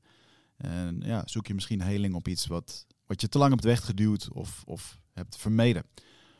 daarvoor wil ik je uitnodigen op 24, 25 en 26 mei om in een retreat mee te doen waar de inhoud van het programma geheim is. Waar de belofte is dat het oncomfortabel wordt. Want jij begrijpt als geen ander dat als je die volgende stap wilt maken, ja, dan zul je uit de comfortzone moeten komen. En ik garandeer je, laat mij dat proces begeleiden met jou voor drie dagen en je leven zal daarna nooit meer hetzelfde zijn. Gemiddeld beoordelen de deelnemers het met een 9,2. En daar ben ik ontzettend trots op. Er is ook een money back guarantee. Heb je de drie dagen vol, volbracht en vind je het niks, krijg je gewoon je geld terug. Dus het enige risico wat er is, is dat je gelukkiger kan worden. Ik zie je Bride of Passage. Ga naar wichertmeerman.nl en klik op Retreat. Soms, soms eh, ben je sheets aan het maken en dan wil je een video gaan doen of zo. En, dan merk ik, ik ben er nog niet. En dan, en dan laat ik het en dan ineens twee sheets bij. Ah, en nu kan ik opnemen. Ja, dat doe want, ik ook. Ja, en dan ineens ik doe het dan... marineren. Ik laat het even marineren. Ja, dat er. Ja. ja. ja. Want zo werkt het altijd. Of dan heb ik iets bedacht, een zinnetje. Mijn notitieboeken die puilen uit. En dan is het gewoon één zin. En dat stop ik in mijn hoofd als het ware. En dan, eh, dan denk ik, met dit thema wil ik iets, maar ik weet nog niet wat. Dan ga ik er even op slapen. En dan de volgende dag dan rolt dat er zo wel uit. Maar dat is ook gewoon het meer tijd geven.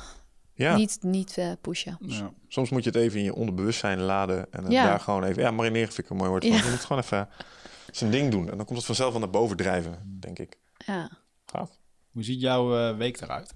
Hoe ziet, hoe ziet de week van een gemiddelde vlogger eruit? Van een gemiddelde vlogger? Nou ja, hoewel, ik wou zeggen, weet ik niet. Maar ik denk wel dat het een beetje overlap heeft. En kijk, ik ben natuurlijk een vrouw. Uh, ik denk dat bij gamevloggers dat het er heel anders uitziet. Er uh, zit wel een heel goed businessmodel achter trouwens. Jij bent helemaal in de gamevloggers, toch? Ja man, ik wou dat ik een gamer was. nou, zo, ik zou het doen chill. als ik jou was. Ik heb Lekker schaalbaar ook. We hebben het hier een keer uh, erover gehad. Het is een doel voor mij, heb ik laatst bedacht. Het lijkt mij echt super kick om gewoon eens een keer een maand op Twitch te gaan zitten. Als we dit allemaal hebben staan, om gewoon te laten zien dat je ook dat gewoon voor je leven kan doen als je dat echt zou willen. Als je nou Twitch is die streamdienst die ik jou heb laten zien. Mm. Ik heb weer het één keer laten zien hoe rijk je kunt worden als vrouw zijnde met computerspelletjes spelen. Als vrouw zijnde ook ja, specifiek. Ja, toen, echt, uh, ik kwam ja. niet als ik het doe hoor. ik kan er echt niks nou, nou, maar het gaat niet om de spelletjes ben ik achtergekomen. Oh, want het, het, zegt het gaat om niet, je outfit. Uh, zeker, zeker. Twitch is een dienst waar mensen computerspelletjes kunnen spelen. En dat stream je en dan kunnen mensen naar kijken. Vinden ze uh, je persoonlijkheid leuk en of kun je goed gamen, dan kunnen ze abonneren op je. En dat is 4,95 en dan krijg jij een deel van een Twitch een deel. Mm. Maar mensen kunnen ook doneren. Dus als ze gewoon naar kijken, kunnen ze ook gewoon 30 euro. Ja, dat komt steeds vaker, hè, donatie euro, voor die ja, Live in de stream, dus die personen zien dat ook gewoon daadwerkelijk. En wat heel gebruikelijk is, is dat die mensen ook de donaties op een soort van landingpage laten zien. Dit zijn de donaties oh, geweest. Ja. En er was één dame specifiek, Mira Missou. Ik weet nog goed, dat liet ik aan hem zien. En die dame die had uh, twee hele prominente kwaliteiten. En die bracht ze ook uh, duidelijk in beeld terwijl ze aan het gamen was. Ja. Maar dat resulteerde wel in, uh, ik geloof, meer als 45k aan verzamelde donaties. Waarbij de topdonaties de 8000 euro aan aanraakte. Ja, maar was dat ook niet omdat zij, uh, als je iets tegen haar zei, dat ze als een man keer ging? Nou, deze meid had duidelijk wel wat uh, psychologische aandachtspunten. Want wat gebeurt als zo'n gemeenschap daar opduikt? Het internet is een harde plek. Je zegt net ja. zelf, uh, ik heb gelukkig niet zoveel haters. Wij ook niet zo heel veel, maar we krijgen wel eens wat commentaar te verstouwen. Tuurlijk. Ruthless. Maar, maar, hij is wel eens een keer op tv geweest en heeft toen uh, de nare kant van Twitter een klein beetje mogen ondervinden. Dat was nog mild met wat het internet kan. En mm -hmm. dan Mhm. komen er wel eens mensen in zo'n chatroom en die komen echt even huishouden. En die gaan heel erg, uh, zeg maar, op de man, gaan ze heel vervelend tegen je doen. Ja. En deze dame met name stond een beetje onbekend dat ze dan nog wel eens triggert. En dan ging ze helemaal uit de plaat. En dat was vanuit een soort sensationalisme soms bijna gewoon vermakelijk om te zien. Maar tegelijkertijd, ja, het is ook weer typisch maar was dat ook niet waarom ze, dat ze bepaalde dingen deed op het moment als ja. ze donaties kregen? Want ik zat er inderdaad te kijken dat er gewoon mensen uit China of zo... Dus iemand uit China had gewoon 8000 dollar aan die chick gegeven. Want hoe heet ze? Want ik ga er wel even opzoeken. Miramisu. Miramisu, okay. ja. grappig. Maar zij is niet de enige. Zij is, nee. zij is de, toevallig eentje die ik tegenkwam. Ik dacht van, hè, wat is dit? En wauw, kijk naar die donaties. Ja. Maar als je op Twitch verder gaat kijken... het zijn gewoon, ze noemen het ook wel eens een beetje denigerend titstreamers... Zeg maar, het zijn gewoon Ja. dames die met hun fysieke Maar zo voorkomen... begint het dus met alles. Want Snapchat begon natuurlijk ook zo. Maar als je daar nu al op zit, dan ben je misschien straks... eh, nou ja, eigenlijk loopt ze nu al binnen. Ja, maar er zijn ook weer horen. dames die zetten zich daar juist tegen af. En die, die, die zeggen, ja, maar dat is ordinair. Wij zijn gewoon Ja. goede gamers en we hebben gewoon een leuk gesprek. En die pakken op hun eigen manier zo weer een publiek. Mm. En die krijgen een soort gelijke donaties weer. Dus dat is echt een heel interessant online businessmodel. Wat, niet, wat iemand Ja. drie, vier jaar geleden had je dat niet kunnen voorspellen. Dat gamen, dat dat gewoon oprecht een hoedanigheid zou kunnen zijn. En er zijn incidenten bekend online waarbij streamers een foutje maakten tijdens een stream. Al verkeerd al tapten. Dus het spel sprong plots op hun PayPal-account, die nog open stond. En toen konden ze even het bedrag zien wat daar stond. Wow. Wow. Dat ging over de 100k heen. Jezus. Wauw. Ja, ja. En dat je echt denkt, oké, Dat is damn, ook- ik dat zit in de verkeerde business. En misschien Dat is, moet je gewoon een pruik opzetten en je als vrouw verkleden. Want dat is ook heel origineel. Nee, er is één gast die heeft dat Oh. heel slim gedaan. Die heeft gewoon een mooie vrouw naast zich neergezet. Dus als hij aan het spelen is, hij heeft gewoon een of andere bimbo ernaast zitten. En dan kletst hij mee. En Wat zij zit slim. in de... Oh, maar ook heel slecht. Ja, Ja, Ja, Maar is slecht, maar het werkt. ja, wil je ermee verbinden? Dat is dan de vraag. Ja, Ja. maar goed, eh, waar hadden we het over? Eh, Online businessmodellen. Ja. Nou, nou, oh nee, wat hoe jouw mijn dag week, eruit ziet. Eigenlijk ziet elke week er best wel verschillend uit. Het hangt er vanaf. Ik heb ook best wel va- vaak dat ik naar eh, uitnodigingen voor events of voor ehm, ja, van bepaalde merken waar ik mee werk, dat, dat die me uitnodigen of bloggers eh, samenkomsten. Maar ja, hoe ziet mijn week eruit? Ehm, nou, ik heb altijd een aantal dagen dat ik gewoon thuis werk en achter mijn computer aan het typen ben. Dat eh, ik ja, gewoon eh, plannen uitwerken, reageren, eh, blog schrijven, ook voor eh, branded content. Eh, dat ben ik aan het heen en weer mailen met een klant van is het goed of niet. En tussendoor vlog ik dan. Nou, Wigert, kijk gewoon naar mijn weekvlog. ik weet het zelf niet. Eh, Nee, kijk gewoon naar mijn weekvlog, dan Ja. zie je hoe mijn week eruit ziet. Ik, Oh, zo, ja, het is heel verschillend. Nou, wat ik wel het is heel interessant vind verschillend. om te horen is... Ik hoor je zeggen, ik, eh, ik werk van het huis. Je hebt Oh. ook ehm, ehm, op je blog heb je een... eh, oh, we moeten even stoppen. Oké, Oké, we're back. Oké, take nummer 4, camera 2. technische Ja, storing moeten, gaan we nu helemaal opnieuw beginnen weer? Ja. Ja, beginnen we Hoi, bij ik één. ben Sunny. We hebben net wat technische problemen gehad. Maar we zijn er Dus weer. eh, voor de fans van Sunny, je ziet Sunny in een half uurtje niet. Ja, sorry. Dus, eh, we fucked up. Maar ja, dat is dus het eh, risico als je... Wij hebben nog geen Jamie. Je had het er straks over een D-Rock. Ik Ja. zou je wel graag een Jamie willen hebben. Mhm. Powerful Young Jamie. Jamie is een, de podcast die wij luisteren in Amerika. Joe Rogan. Die gast die heeft een technician in de studio zitten. En die is inmiddels ook een soort van wereldbekendheid geworden. Omdat eh, Oh. gedurende de, stu- de opnames wordt altijd... eh, pull that up, Jamie. Dus dat is een soort van catchphrase geworden. Ja. Zoals wij het hier hebben over een Jamie... hebben we het over een technician die de knoppen en de camera's... jullie hebben Boeddha, toch? Hij is heel lui. Hij doet niet zoveel. Nee, hij zit alleen maar te mediteren. He's just sitting there, Ja. being him. Wil je nog een theetje?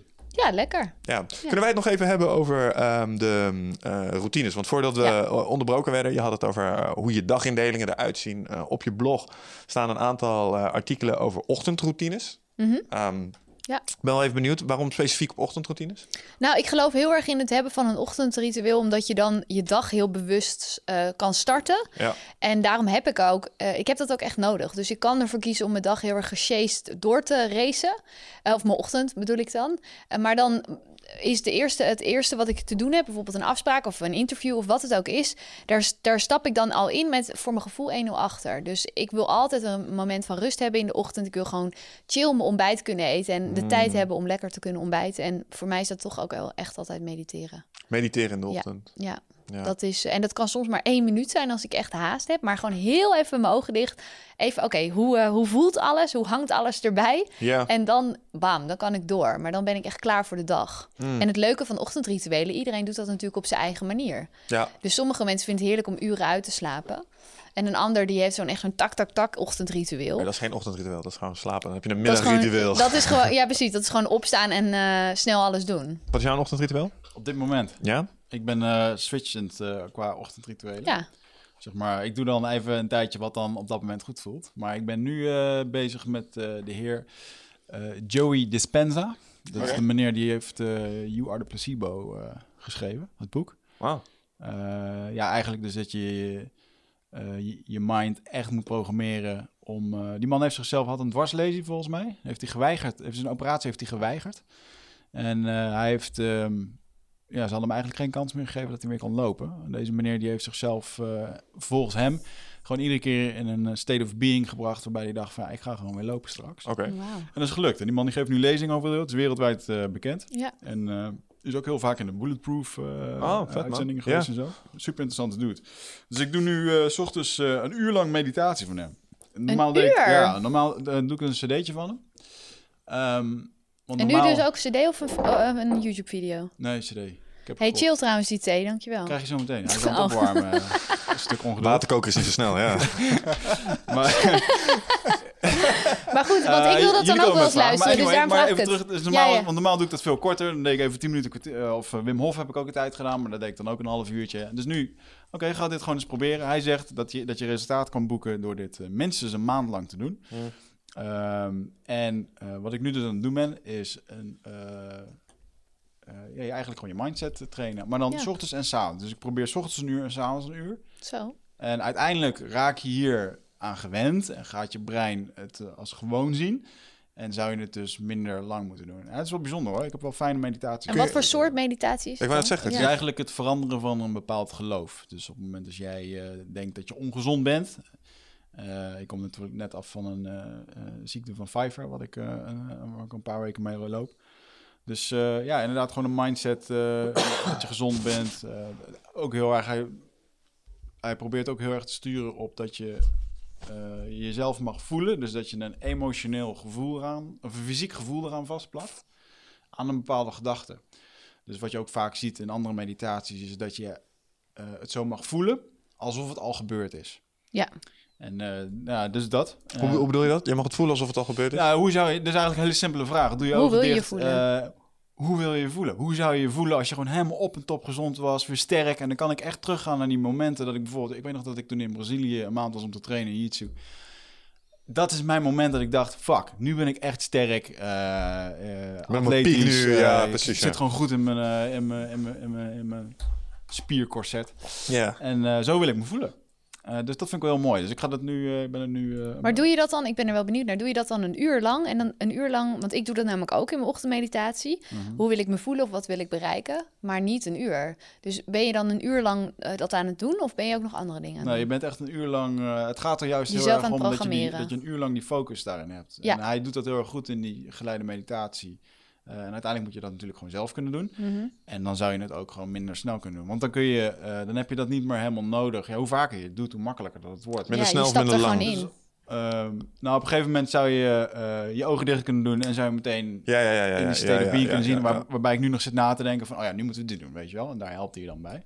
Dus ik ga dat een, een maand proberen. Hey, en als ik dat ook, of als wij dat ook willen doen, waar vinden we dat dan? Ja, Joey Dispenza. Gewoon, uh, Uh, op zijn website. Op zijn website. En uh, zijn boek heet uh, You Are the Placebo, heel bekend boek. Ja. En daar staat ook gewoon in, uh, een mooi, heel wetenschappelijk onderbouwd met hersenscans over hoe mensen die bijvoorbeeld angstaanvallen hebben, uh, hoe die hersens, uh, hoe de activiteit is. En na een uur meditatie en na 30 dagen meditatie. Dat zijn Mm. mooie resultaten. Dus ik, uh, ja. Als jij dit hoort, hè, denk je dat dat... In, de, de, in, de, in, deze show ben ik wel eens uh, de scepticus. Um, denk je dat het echt mogelijk is om met je geest zo... Um, dit is wel een heel heftig voorbeeld. Ik, ik, ik, denk dat als het zou werken, waarom doen niet meer mensen dat dan? Maar pas jij dit soort dingen, geloof jij dat? Ja, ik geloof dat wel. Ja. Ik geloof zelfs dat je hele erge ziektes kan uh, goed denken.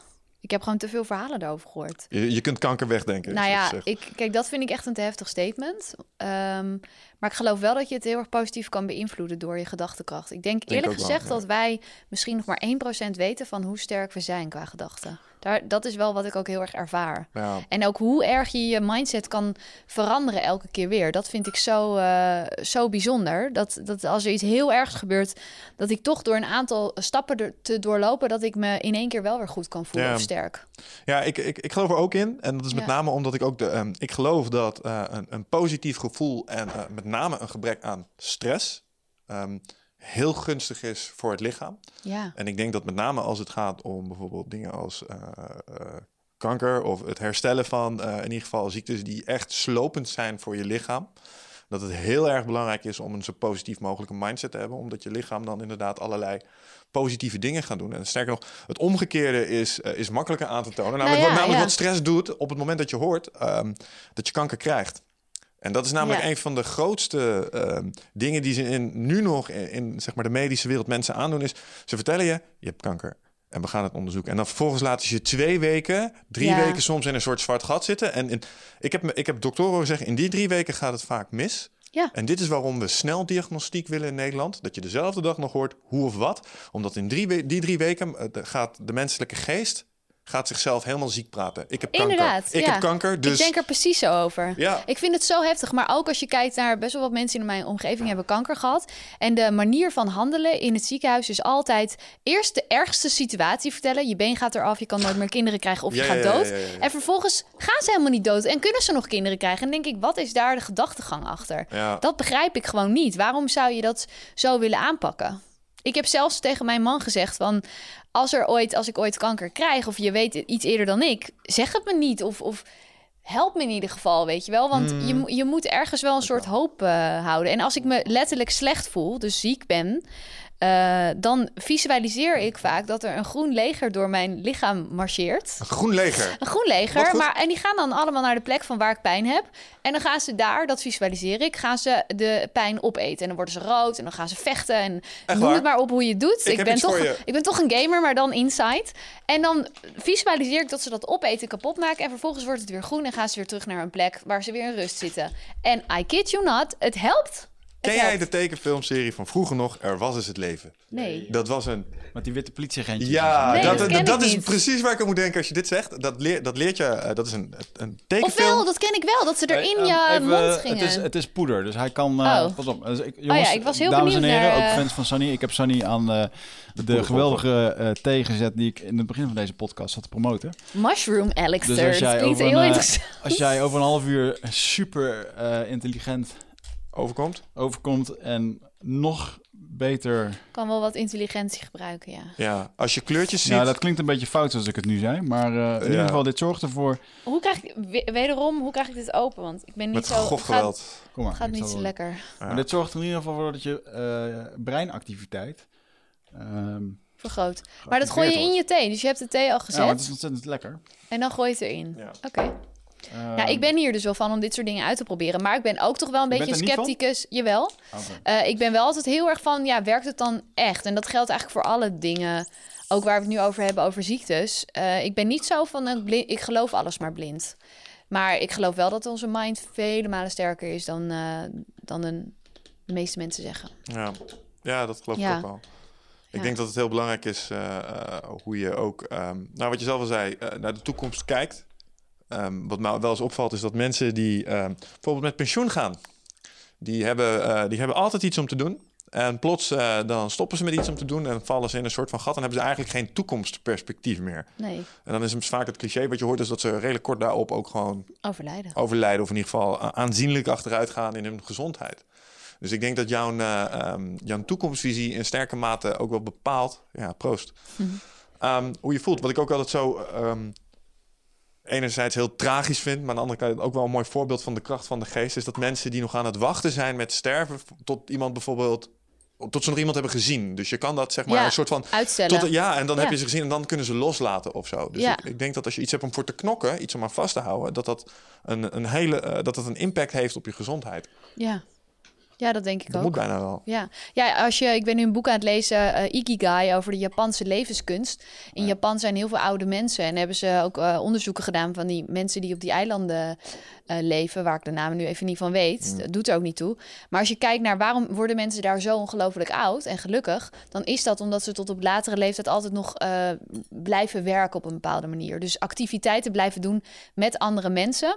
En daardoor eh we halen heel veel van ons geluk halen we uit belang of eh, hoe zeg je dat dat we eh, nodig zijn en uit het contact met anderen. Ja. En daarom vind ik ons eh, pensioenmodel ook zo raar. Want je, wer je werkt je hele leven voor dat pensioen. En dan ben je met pensioen. En dan is het vaak gewoon Je maakt mensen onnuttig in ons ja, systeem. eh, onnuttig. En ze vervelen zich vaak. Dus ja, mijn doel is toch ook wel om eh, tot heel lang eh, betrokken te blijven. En niet alleen maar op een soort van vakantie te zijn. Wat grappig dat je en dat dat doen zegt. ook heel veel ouderen wel hoor. Maar dat lijkt me heel belangrijk. We hadden in Deventer hangouderen.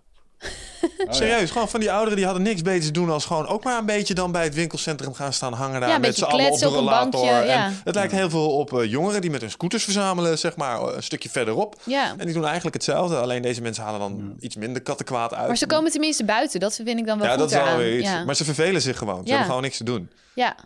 En je wil je ook, ik kan me voorstellen dat je je kennis ook wil overdragen. Of dat je, Ja. ja. Misschien is dat ook wel Ja. een beetje een generatieding. Want ik heb daar ook eens over zitten nadenken. Stel, ehm, heaven forbid, maar eh, wij komen eh, in een eh, klassiek bejaardentehuis zoals je dat kent. Wij hebben internet. Hmm. ja. Wij, wij, wij gaan ons wel vermaken, denk ik dan. Zeg Ja. maar. Wat, wat anders is als het... Want als ik me in een so- sociaal isolement zou voelen nu... Via het internet is dat redelijk snel gefixt.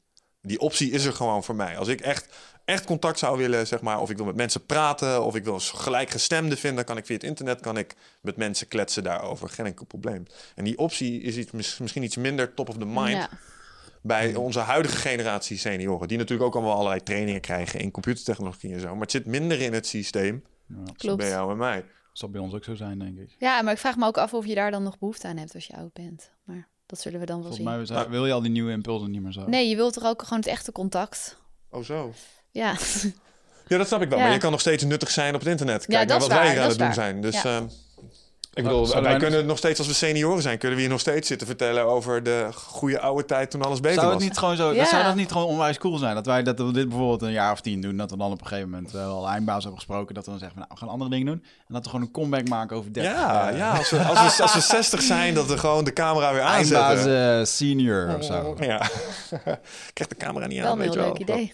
Met dezelfde cameraatjes weer, die dan helemaal eh korrelig beeld weergeven, omdat het zo... ik denk dat eh, 1080 dan eh, ernstig achterhaald is, ja. hmm. ja. Hoe zie jij dat? Hoe zie jij je, je latere leven voor je? Ik weet het nog niet zo goed. Ik, eh, ik kijk niet zo heel ver in de toekomst. Ik laat me ook heel erg leiden door eh, wat het leven me te zeggen heeft. Hmm. Ik had het ook niet kunnen bedenken een paar jaar geleden dat het zo zou lopen. En ik weet het ook echt niet. Ik, eh, Is dat echt zo? Ben jij niet Ja. eh, als, als ik ondernemer... ben wel van doelen stellen, absoluut. Maar Ja. ik, ik, ga, ik ben niet van een vijf jaren plannen. En als ondernemer van- ben je ook niet bezig met je, met je oude dagvoorziening en dat soort dingen? Eh, nou, wel dat ik mijn geld apart zet. ja, oké. Dat is het ook. Maar Ja. niet met. eh, ik zie wel dat er heel veel. Misschien ben ik wel regisseur over een aantal jaar. Weet je, ik zie dat er verschillende dingen zijn die ik kan gaan doen. Ehm, maar wat dat echt is, dat weet ik niet. Ik, ben, ik kijk misschien hooguit twee jaar vooruit. Ja. En eh, ik ben nu meer bezig met een schaalbaar inkomen bekijken van nou, hoe kan ik, wat kan ik nog meer doen? En hoe kan ik eh, mensen structureler helpen? Dus daarom ben ik eh, een online programma aan het eh, schrijven nu. Dat vind ik onwijs leuk en dat is heel nieuw. Dus dat haalt me helemaal weer uit mijn comfortzone en dat vind ik spannend. En eh, ik ben altijd op zoek naar... eh, ik, ik ga het nooit helemaal... Als ik ergens mee bezig ben, maak ik het nooit helemaal af. Maar dan ben ik ondertussen alweer nieuwe plannen aan het bedenken. Maak je het uiteindelijk wel af? Eh, ik maak het zeker af. Alleen ik moet, heb gewoon heel veel ideeën. En ehm, ik denk dat ik gewoon meer grotere producties misschien aan het maken ben dan met meer mensen, groter team. Eh, maar ik vind nu lekker hoe het zo klein is. En ik, eh, weet je, dat is nu mijn plan voor de komende jaren. Meer events en zo, maar niet eh, voor echt over tien jaar. Nee. Leg je je doel ook ergens vast? Jazeker. Hoe doe je ja. dat? In boekjes schrijf ik het. Ik heb heel veel boekjes voor notitieboekjes voor verschillende doelen. En dat houd ik daarin bij. En het leuke is, het komt ook uit. Dus als erin staat wat voor huis ik zoek en wil en wens, zoals jij het ook vertelde, hè, wat je wenst, dan schrijf ik ook heel specifiek op. Het huis heeft heel veel ramen. Het huis heeft eh, zo'n vloer en zo'n keuken en zoveel kamers. En grappig genoeg lukt het me gewoon elke keer om die dingen uit mijn boekje... dan ga ik het teruglezen en denk hè, verrek, dat, dat is gewoon gelukt. Ja. Ja, ja Wicht heeft zo'n mooi plakboek waar hij ook gewoon plaatjes in heeft geplakt. Ik heb dat digitaal gedaan op Pinterest. Ja. Een soort, soort gelijk zijn. ja. Wat, wat is er niet... eh, want eh, ik geloof er ook in, hè, als je het opschrijft op een of andere manier... wat er dan ook achter zit, het, ehm, ehm, op een of andere manier manifesteert het zich. Eh, Ja. Of je het nou zelf regelt of het komt vanuit het universum, daar kun je het lang over hebben. Dat is een discussie voor een andere keer misschien. Maar wat ik heel erg interessant vind aan jou is dat... ik heb volgens mij één of twee dingen maar in jouw plakboek gezien die er nog niet zijn. En de rest is allemaal is gekomen en zouden er kunnen zijn als je nu echt heel erg je best zou willen doen, Ja, volgens mij. Sommige dingen zijn materieel, zeg maar. maar Ja, eh, de auto. Dat is eigenlijk de Die- eerste die naar boven schiet. Ja, die auto die is er, maar die gaat er, ja, ik heb nu wel besloten dat het dit jaar toch echt gewoon gaat komen, Ja. omdat ik dat graag wil. En ehm, eh,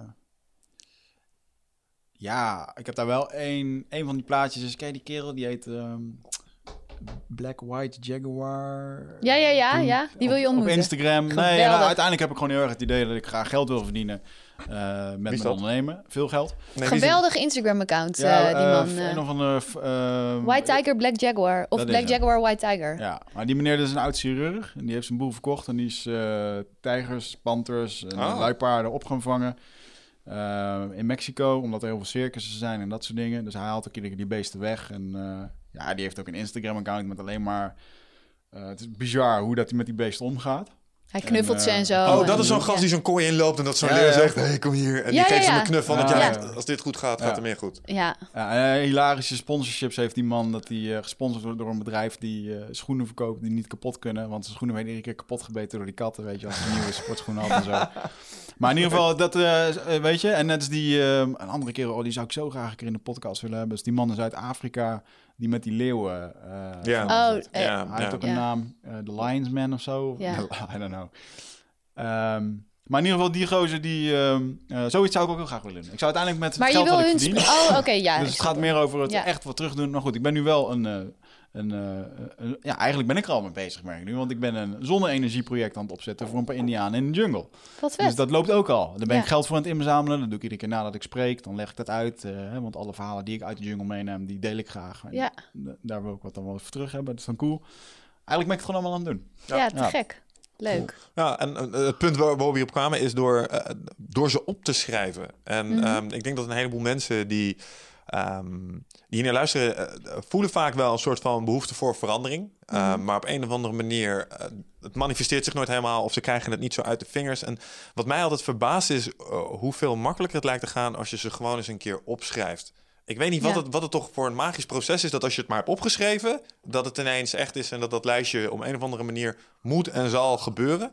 En dat er ook gewoon beloningssystemen afgaan in je hoofd als je er een streepje doorheen mag zetten of een vinkje ervoor mag zetten. Ja, het maakt het natuurlijk heel concreet als je het Ja. opschrijft. En dat was eigenlijk ook, als ik het heb over Sunny zoekt geluk. Dat was een idee wat, wat ik al twee jaar had. En ik was al twee jaar lang eh, dingen aan het verzamelen. Dus mensen die ik zou gaan interviewen en dingen die ik zou gaan eh, ervaren en doen. En op een gegeven moment, twee jaar later, toen zei mijn vriend van... eh, nou, ga je het nou nog eens een keertje doen? En uiteindelijk, wat was het nou? Ik moest het gewoon gaan doen. Dus hij vroeg mij, wat heb je nodig om te beginnen? En dat was voor mij een soort heilige vraag. Want als je op gaat schrijven wat je nodig hebt... letterlijk gewoon één cameraman, één editor, weet je wel, zo simpel... dan wordt het ineens heel concreet en dan wordt het heel haalbaar. Maar in jouw hoofd blijft het heel groot. Ja, En, dat is, is denk ik ook de kracht van het sch- opschrijven. Dan zie je ineens, oh, het kan. ja, en dan is het risico nog dat je hebt als je alles gaat opschrijven, wat heb ik nodig, is dat je gaat denken als een perfectionist. Ja. En als je daar dan nog eens de filter minimal viable product overheen haalt, Ja. dus wat heb je echt minimaal nodig, daar Nou, kan de helft er vaak vanaf.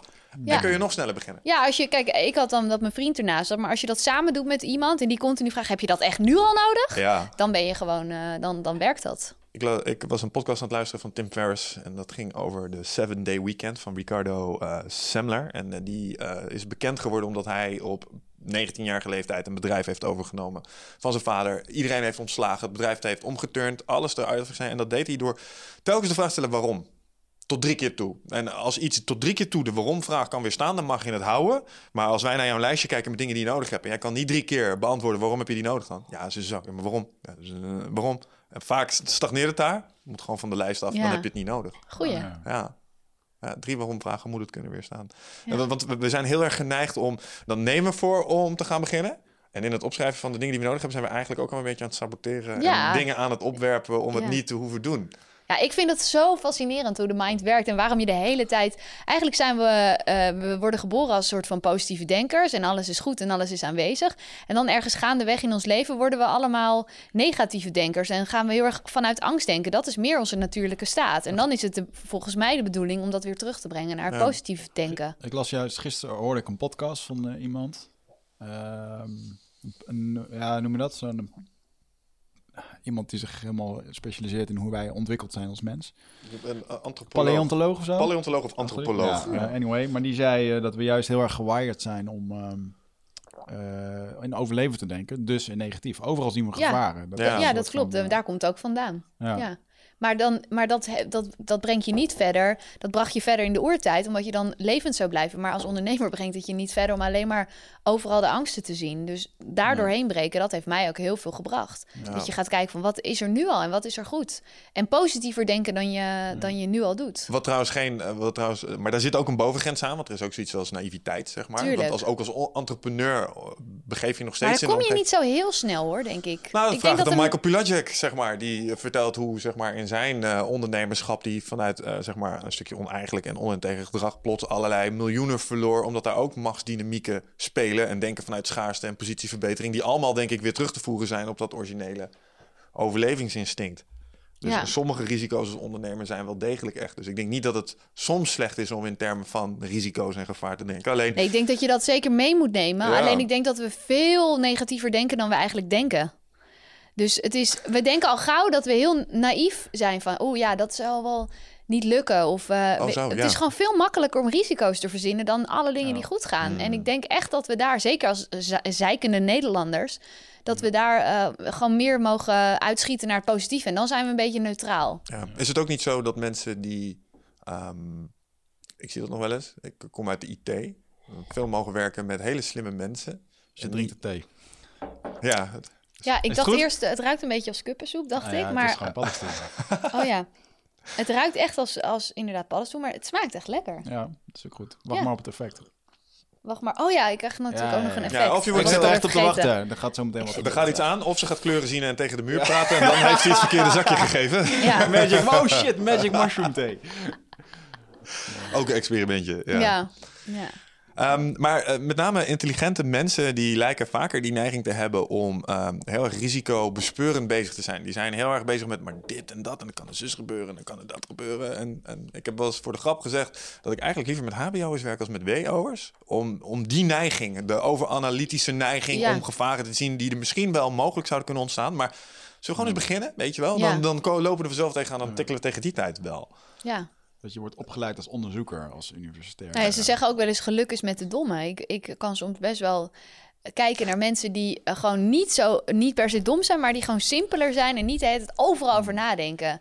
Weet je, ik heb de neiging om te denken, waarom doe ik dat? Of waarom vind Ja. ik dat? Of je wil de hele tijd nadenken. Er zijn ook gewoon mensen, pff, die leven gewoon. Die dit? denken er allemaal niet zo over na. En dat lijkt me ook zo heerlijk. Ja, ken je dit sentiment? Dat je, eh, dan, dan leer je weer eens iets en dan denk je, ah, hoe meer je weet, hoe minder je zou willen dat je wist, zeg maar. Want nu Ja. komen er weer allerlei verplichtingen. En oh, nu weet ik plots dat... eh, ik had dat laatst nog een keer, zat ik weer iets te lezen over Siberië en permafrost en dat soort dingen. En dan denk ik, oh, dus als het nog twee graden warmer wordt op deze planeet, is het echt allemaal... Ik, wil, ik, had- ik Ja. had gewild dat ik dit niet had geweten, zeg Ja. maar, zoiets. Ja, dat herken ik wel ja, hoor. ja, Ja.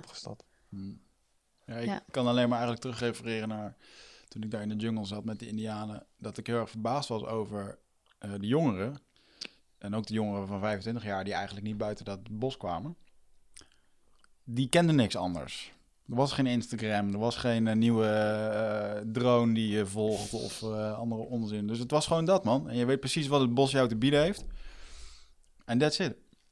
Dus je hebt niet allemaal... jij vertelt nu over Instagram dat je twee keer per dag moet posten. Ik heb er nu al drie keer aan gedacht. Van, hm, ja, moet misschien moet ook maar Ja. twee keer per dag. Die boys in de jungle, die zijn daar niet mee bezig. Nee, precies. Dus oh, je, hebt, je geeft mij weer een stukje informatie waardoor ik weer stress krijg.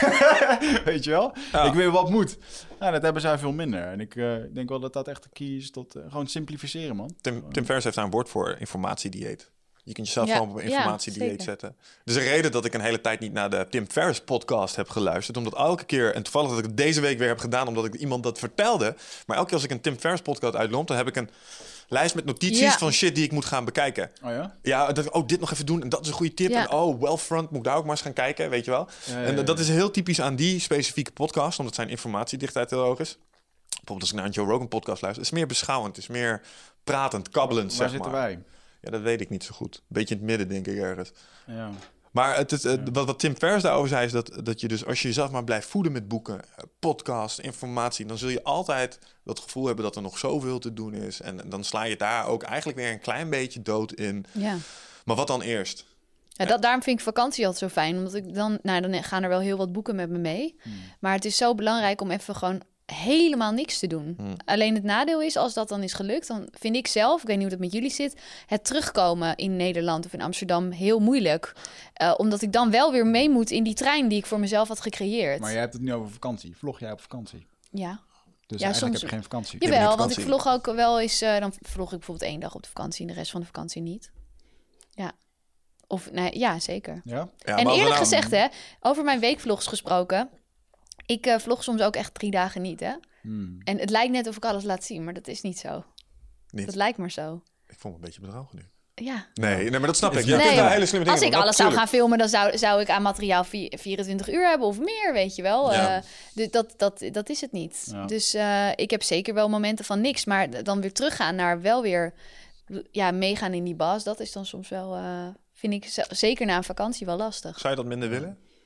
Dat, eh, die overgangstransitie... Nou, gewoon eh, eh, de, dat, de, zeg maar, als je weg bent geweest en je komt terug, dan wordt weer even, en dat is iets dat heb ik Wigert ook horen zeggen, pijnlijk duidelijk wat voor red race het hier is. En de Ja. hectiek die we onszelf weer opleggen. Ja, Ehm, het past wel een beetje bij de levensstijl die je ook uitdraagt in het vlog en zo. Dat is natuurlijk ook hip en modern en instant en real-time allemaal. Maar heb je, eh, snak je ook wel eens naar gewoon van, pff, zeker, ja. Maar dan doe ik het dus ook wel. Ja. Dus dan ga ik ook echt even niet meer vloggen.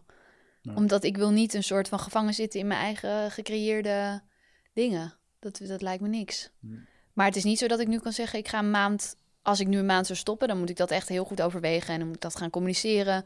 En dan kan het wel, maar dat is niet... ja, Heel een handig. soort agendaatje van tevoren. We hebben het ook gedaan. We hebben Ja, toen een shitload aan podcasts opgenomen. En uh, toen Ja. meneer zes weken weg. Toen hebben we die gewoon uitgebracht. En, eh, Ja. Ja. Ja. Nou, dat kan wel. Dat kan wel. Maar dan moet ik nu weer nog in een driedubbele red race gaan zitten om dat allemaal vooruit te produceren. Ja. Dus dat vind ik dan ook weer niet. Wat ik ook wel eens doe, dat ik als ik op vakantie ga of op langere tijd op reis, dan ga ik niet vooruitwerken, maar ga ik gewoon daar zitten en daar video opnemen. En dan Nou. zie ik daar wel wat er gebeurt. Wat ik probeer- Mijn eh, doel voor dit jaar is dat ik meer op vakantie wil. Maar niet per se op vakantie. Dat ik gewoon een week naar het buitenland ga. Dan Ja. ga ik Mhm. doorwerken, weet je wel. Ja, ik gewoon ben dat nu dat ook je daar doen. bent. En, eh, Nou als wij iets voor elkaar hebben gekregen, is dat wij niet locatiegebonden zijn in wat Ja. we doen. En eh, eh, zelfs als jij in waar het ook maar is zit en we zouden echt podcasts willen opnemen, dan kan dat ook. Als er maar een internetverbinding is. ja. Ja. Niet meer, niet minder. Dus, en dat, dat is natuurlijk ook in meer of mindere mate voor jou. ja. Zeker, ja. Heb je dat nog wel eens dat je, want ik realiseer me dat de laatste tijd was. Het is nu, ehm, nee, het is dinsdag vandaag. dat, is, dat is het erge eraan. Ik, ik weet niet of jij dat herkent. Ehm, we zitten niet meer aan een kantoor, eh, kantoorpatroon vast. Mhm. En ergens is dat een ongekende luxe. Helemaal je eigen dagen kunnen inrichten, niet meer eh, tussen 8 en 9. Maar ik, ik, kan, ik heb, vorige week heb ik nog gedacht, ergens eh, welke dag is het vandaag in godsnaam? Want als jij elke dag naar kantoor moet, dan weet je precies welke dag het is en hoeveel dagen het nog is tot het weekend. Ja. Maar als je in het weekend zit te werken, dan betekent dat niet meer zo veel. Anders dan dat je tussen maandag en vrijdag de meeste mensen het makkelijkst te pakken krijgt. Mhm, Dat klopt. is het nog. Ja, En dat heeft voor mij wel, eh, ik ben daar wel een beetje losgeslagen van een standaard patroon dat ik toen ik nog regelmatig op kantoren liep wel heel erg had. Heeft zijn voordelen, heeft zijn nadelen. Ik worstelde wel eens mee. ja Ken je ik, dat? ik vind een eh, kantoor van 9 tot 5 mentaliteit is eigenlijk helemaal niet zo slecht. Het is eigenlijk best wel lekker als je een baan hebt waarbij je kan zeggen van nou om half zes of om vijf uur, ik ben klaar, ik ga naar huis. Ja. Want ik zit ook gewoon eh, op zaterdagavond. Elke zaterdagavond zit ik tot laat te editen hoor. Juist, zondag. Gewoon, en dan kom ik dronken thuis. En dan nog, ik kom thuis, de deur gaat open. Toink, ik ben in één keer nuchter.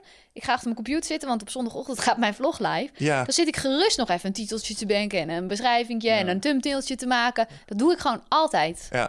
En het is ook nog leuk ook. Eh, nou, als niet altijd. niet. nou ja, het gaat misschien iets minder Maar sneller. dat is zo vaag, weet je, dat zit zo ingeprogrammeerd. Maar ja, als je ondernemer bent en je mag je eigen tijd indelen, betekent dat eigenlijk altijd dat je gewoon nog harder werkt. Ja, Ja. Ik denk eigenlijk wel dat ik voor de meeste mensen kan spreken. Ja. Maar voor mij zit het heel erg de uitdaging in hoe kan ik mijn vrijheid behouden. Dus ik mag mijn eigen tijd bepalen. Ik ben eh, zelfstandig. Maar waar ga ik dan die vrijheid weer opzoeken? En hoe ga ik dat dan doen? En niet alleen maar in mijn hoofd bedenken, maar hoe ga ik het concreet doen? Ik probeer het nu echt in mijn agenda in te plannen door blokken te bouwen van niks doen. wat grappig van dat je dat zegt. Een weekendgevoel op een dinsdagmiddag te creëren. Ja, dat. Mijn, weekend is naar de maandag. Heb ik, Mhm. Mijn maandag is, eh, is een beetje mijn zaterdag geworden of zo, of mijn zondag. Maar met name dat ook... ehm, ik zeg altijd, ik heb een hele leuke baas. Ik mag alles van hem. Ja. Ik, ben, ik ben mijn eigen baas. Maar ik ben erachter gekomen dat ik voor deze baas harder werk... als voor alle andere bazen die ik hiervoor heb gehad. En dat ik mezelf toen... Ah, lekker vakantie. Nam ik vakantie. Nam ik een Ja. weekend. En nu... Nee, want er is nog zoveel te doen en het is hartstikke leuk. Ja. Ik begrijp nu de bazen stukken beter waar ik voor gewerkt heb. Waarbij je zegt, van, hoe kan het zijn dat jij op zaterdag gewoon dit allemaal aan het doen bent? Ben je, ben je wel goed wijs of zo? Ja. En nu snap ik ze. ja. Dus dat is wel, ja. En hoe laat jij dat los dan? Ehm, nou, ik probeer, ehm, zoals ik al zei, ik probeer wel één of twee dagen in de week probeer ik echt niets te doen. En ik kan het heel goed naar mezelf verkopen als zijnde eh bewust reflecteren. Dat is het trucje wat voor mij al werkt. Ik vind naar de sauna gaan echt heel erg prettig. Ehm, maar eh, toen ik dat in het begin deed, dan had ik tegelijkertijd... ja, ik kan nu wel weer een hele dag in zo'n wellnesscenter gaan hangen... maar die mail die staat er ook nog en dat soort dingen. Totdat Ja. ik het anders begon te kijken. En ik dacht, ja, maar als ik nu heel bewust gewoon even alles loslaat... dan zul je zien dat als je straks weer terugkomt... en dat is natuurlijk het effect wat iedereen van vakantie beschrijft... ehm, dan kun je er veel verser tegenaan kijken. En ik merkte altijd dat, met name als je trainingen en online producten en zo aan het maken bent... dat ik veel makkelijker in die tijd daarna plots sheets kon maken. Teksten kwamen beter eruit. En op die manier heb ik het mezelf een klein beetje weten te verkopen. Maar het Ja. risico voor mij is nog steeds, als ik het niet inplan... zoals ik jou hoor omschrijven, Exact, ja. gebeurt het niet. gebeurt het niet. Nou, dat. Ja. Ja, ik, eh, zelfs lunches met vriendinnen zijn dat dan voor mij. Dan zit ik dat te doen door de week en dan voel ik me erg schuldig. Maar denk ik, nee, dit is wat ik nodig heb om uiteindelijk weer te kunnen creëren. Dus deze lunch met een vriendin is gewoon werk. Ja, wij zoeken dat nog wel eens een beetje in ons sport. Heb, je, heb jij zoiets? Iets, Eh, iets wat je sportief doet om, om je even ja, op nul te zetten? Ja, ja, ja, dat is gewoon soms om me af te... Ik doe dan pilates en yoga en eh, af en toe hardlopen. Maar ja, dat helpt me ook zeker wel. Maar daar heb ik het minder in. Ik moet echt gewoon... eh, sport is ook, een soort, eh, ook- wel een moedje hoor. Ja, ik heb Ja? dat minder. Je hebt, jullie zijn meer dat sporten echt een heerlijke uitlaatklep is. Voor mij is het pas op het moment dat ik er ben. Maar de hele weg ernaartoe, dat ik het ga doen, dat, eh, Hmm. ik moet dat ook inplannen. En dan is het helemaal prima. Verschilt per activiteit hoor. Krachttraining is ook wel een moedje. Ja. Het jiu-jitsu is leuk om heen te gaan. Ja. Hoe heb jij dat? Nee, ik, heb, ja, ik maak nu heel erg die, eh, na jaren nog steeds gewoon een soort van interne transitie. In de zin van, eh, vroeger train ik twee keer per dag. Deed ik veel wedstrijden en zo, vond ik mooi. En dan, dan was dat het ook gewoon wat ik deed. Mhm. En toen ben ik op een gegeven moment eh, dat niet meer gaan doen. Maar ik neig heel erg terug naar dat ik wil hoe dat het toen was. Hoe bedoel je in termen van energie om Ik dat te kunnen en zo? energie, eh, ik zie jonge gasten die nu twee keer per dag lekker liggen te trainen, lekker een hbo'tje doen. Oftewel één uur per week naar school gaan om een college te en de les, Ja. leselijk trainen. En ah, ik, ik, ik vind het moeilijk, man. Ik vind het irritant dat ik... eh, Maar dit kun je wel weer voor jezelf vrijspelen. Jij kan, we, kunnen, hè, we hadden eigenlijk gezegd april gaan we een maand weg. Je kan in principe gewoon zeggen... Ja, ja Ik nee, ga dat Oké, doen. maar even buiten dat. Dus ehm, voor mij is het heel erg van... Ik wil echt gewoon het liefst eh, heel graag vijf keer in de week. En eh, ja, dan merk ik eigenlijk dat het gewoon niet meer fijn is, weet je. Dan, Je lichaam mijn lichaam, vindt het niet meer fijn. Nee, of nee, het komt ook lekker niet uit. En dan, oh joh, dan kan ik zo'n intern strijd met mezelf hebben dat ik moet. Ja. En dan, Je wordt eh, ouder, papa. ehm, maar goed, ik, eh eh, hey, we're getting there, man. En, eh, ja. Maar ik ben wel van mening dat ehm, eh, ik me slechter ga voelen op het moment als ik niet sport, niet beweeg. Ja, oké, maar dan noem je ook wat. Er is nog een verschil tussen helemaal niet sporten of vijf keer per week moeten sporten van jezelf. Ja. Ja, ja, ja, precies. Ja, die, die, dat, die switch vind ik echt irritant. Want vroeger was het ook zo. Als ik dan twee keer per dag trainde, dan deed ik dat. eh, mits ik een doel voor ogen had. En dat was een wedstrijd over anderhalve maand. Ja. Had Ja. ik niet, niks voor ogen, pff, dan was het ook niet... eh, dus ik ben heel erg... eh, er moet echt iets in het vooruitzicht staan. Ja, hoe eh, motiveer jij jezelf dan om te sporten? ehm, nou, Gewoon dit- puur het lekkere gevoel op- of echt ja, een op dit doel? moment is het echt gewoon het, eh, ja, mijn gezondheid weer verbeteren. Ik Ja. ben, vroeger was het echt om wedstrijden te doen. En nu ben ik er wel eh, van mening dat ik, ik wil graag gezond worden. Ja. Dus dat betekent niet meer dat je gezond, het is niet gezond om twee keer per dag eh, zo te buffelen. En eh, ook niet alleen maar dat te doen. Dus je moet verschillende dingen doen. En eh, ja, dat eigenlijk. Dus veel verschillende, verschillende sporten. En het liefst meerdere keren per week. En wat zou er dan gebeuren als jij nu alleen nog maar zou sporten wanneer je het echt zou willen? Dan wordt er niet meer gesport. Eh, hoe bedoel je dat, die vraag? Nou, dat je, de- dat je voor jezelf... Nou, ik neem mezelf wel eens voor aan het begin van de week... van nou, deze week ga ik alleen maar doen waar ik zin in heb. Oh ja, op die manier, ja. Ga je Ja, dan, dan, dan zou ik het liefst iedere, iedere dag wel een uurtje sporten, ja. ja. Ja, en ga je het dan ook doen of ga je dan minder sporten? Dat is natuurlijk een interessante vraag. Ja, Want als ja, het een ja. moedje is, dan is het, dan is het toch ook weer... Ja, vraag nee, daar, daar, zit- daar, daar zit een... eh ja, Zou je een maand niks hoeven doen? Zo, hoe vaak zou je sporten die maand?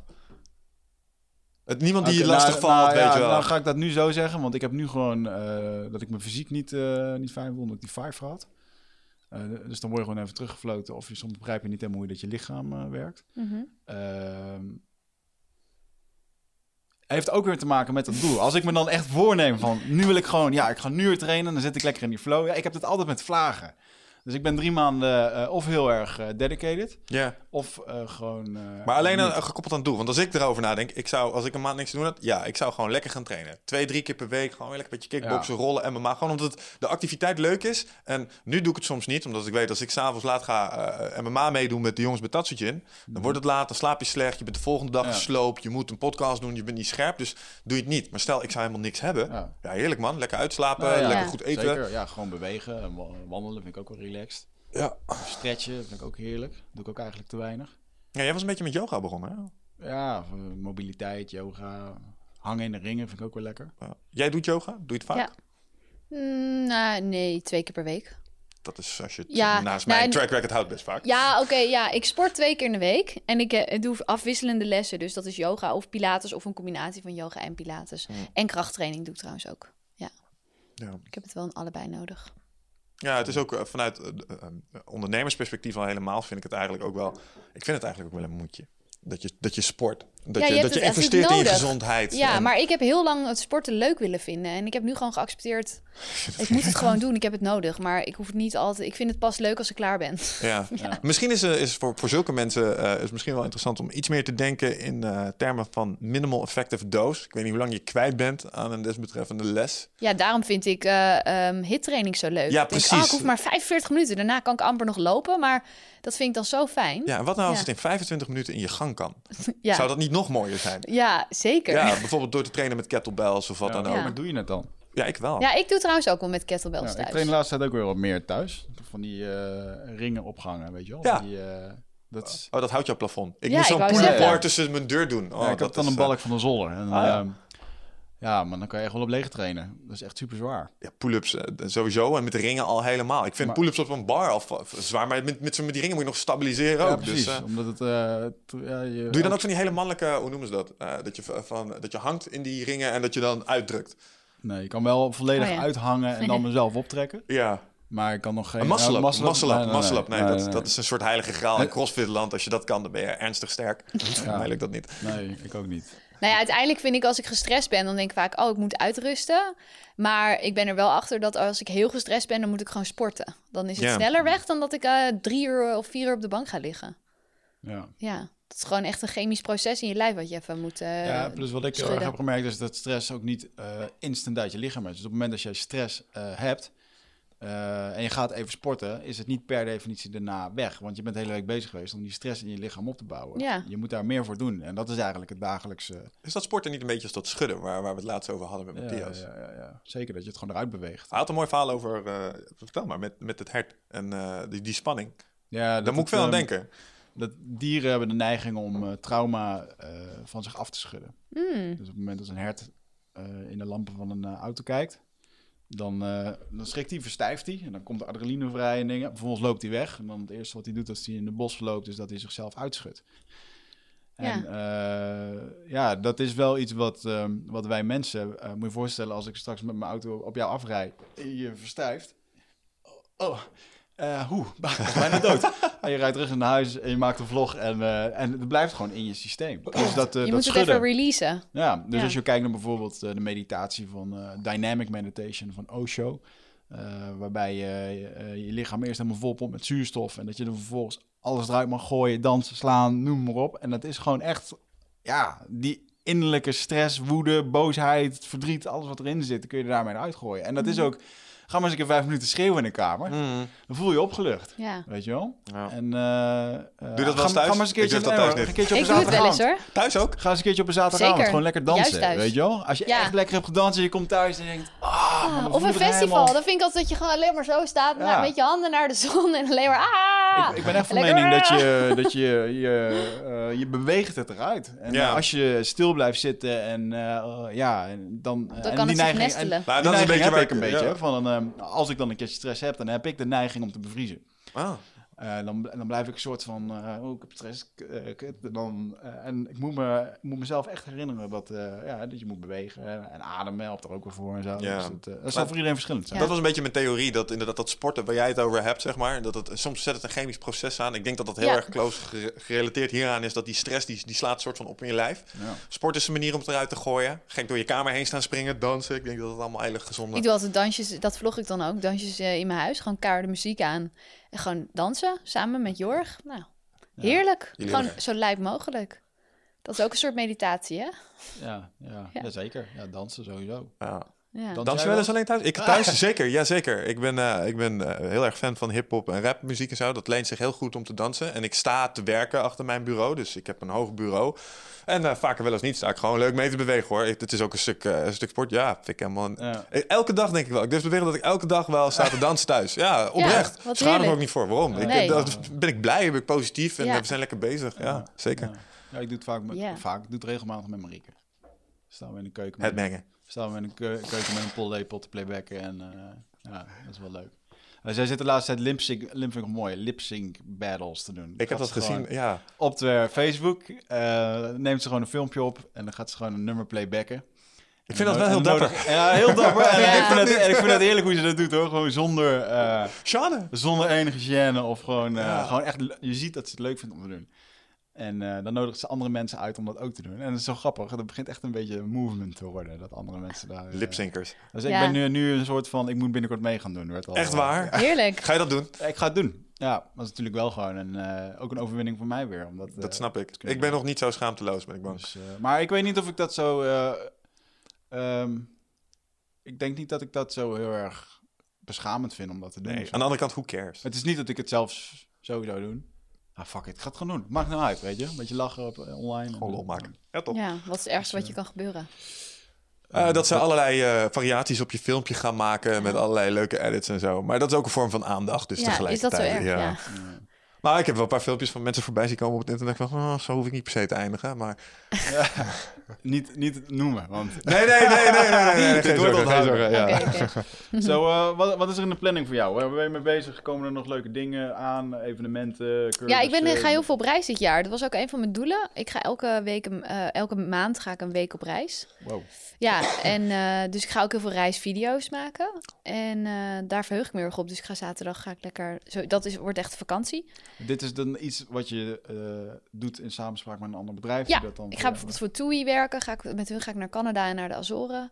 Ik ga binnenkort naar New York. Dik, man. Ja, Ja. jij denkt hetzelfde als ik. Ja. We need to get in on this shit. Ja. Wij moeten Dat, er dacht ik ook een aantal jaar geleden toen ik dit hoorde. En dacht ik, hé, ik ga hier werk van maken. En dat heb ik gedaan. En Ja. it's working. En nu moet ik reisjes afzeggen. Zoals laatst voor, naar Thailand, weet je. Dat krijg je dan. Dus eh, Hmm. be careful what you wish for. Ja, dat is, dat is het vaak Nee, maar dat is soort waar ik, eh, waar, waar ik me heel erg op verheug. En verder ben ik gewoon eh, druk bezig met het schrijven van mijn online programma. En eh, eh, leuke mensen interviewen voor mijn YouTube-kanaal. En ik ben een beetje werk, aan het werken aan een klein nieuw formatje voor mijn YouTube-kanaal.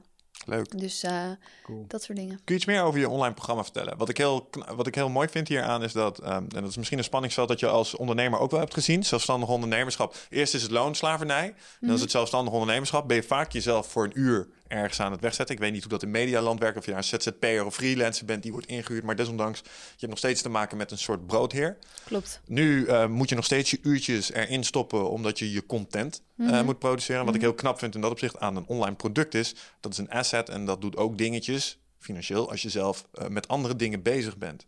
Is dat een hele bewuste transitie geweest? Eh, nou, de eerste reden waarom ik ermee ben begonnen is al die e-mails die ik kreeg. Ik, ik zat het hetzelfde verhaal terug te typen. En ik dacht, wow, ik wil, me- ja, ik wil, dit, dit moet gewoon een soort universeel verhaal worden. Heb je wel eens gecopy-paste en je daar schuldig over gevoeld? Eh, dat heb ik wel eens gedaan, ja. wij ook. Maar en eh, deels, er zijn heel veel mensen, zeg maar 36.000 mensen volgen mij op YouTube. Van al die mensen zijn er een aantal mensen die ook echt elke video kijken en alles echt doen wat ik zeg. Maar ik vind dat, nou niet alles, maar die gaan wel, die nemen me tips mee. En ik heb heel erg de behoefte om meer structuur te bieden voor die mensen. Dus dat is de reden waar ik ben begonnen.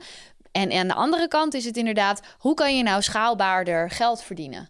Dus eh, dat lijkt mij gewoon heel fijn. Dat je op het terrasje zit en dat je op je telefoon een bliepje ziet gaan. hey, ik heb weer twee programma's verkocht. Ja. Wat fijn. Dus dat zit er zeker achter, ja. En waar het programma over gaat, is vooral over doen.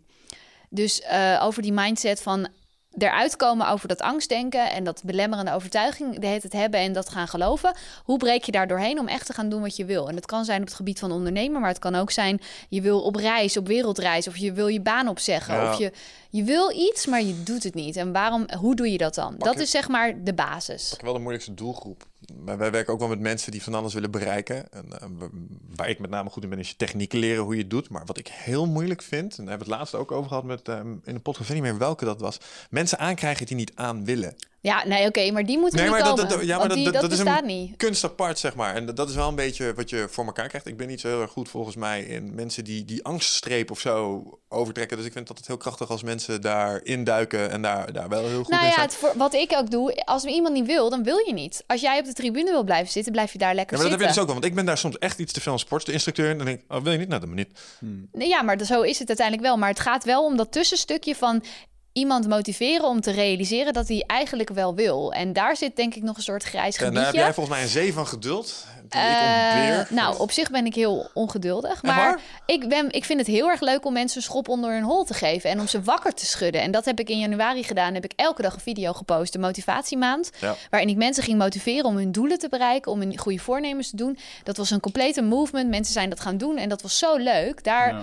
eh, mijn online programma gaat daar gewoon een, een vervolg op zijn. Plus dan ook een aantal dingen over spiritualiteit. Hoe kom je bij je intuïtie? Dat heeft er allemaal mee te maken.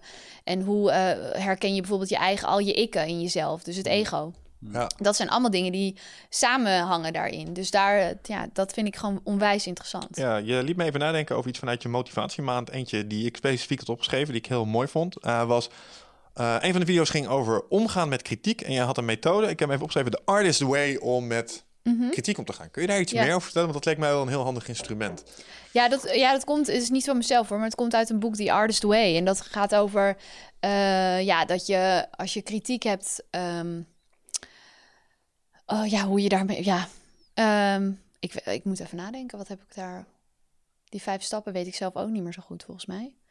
Maar uiteindelijk, de, hoe ik het altijd doe, is eh, opschrijven van, nou ja, waarom eh, krijg ik kritiek en hoe gegrond is dat? Dus hoe ehm, is het echt waar? Om daarmee te beginnen, is het echt waar? En eh, zou ik er iets uit kunnen halen uit die kritiek? Mhm.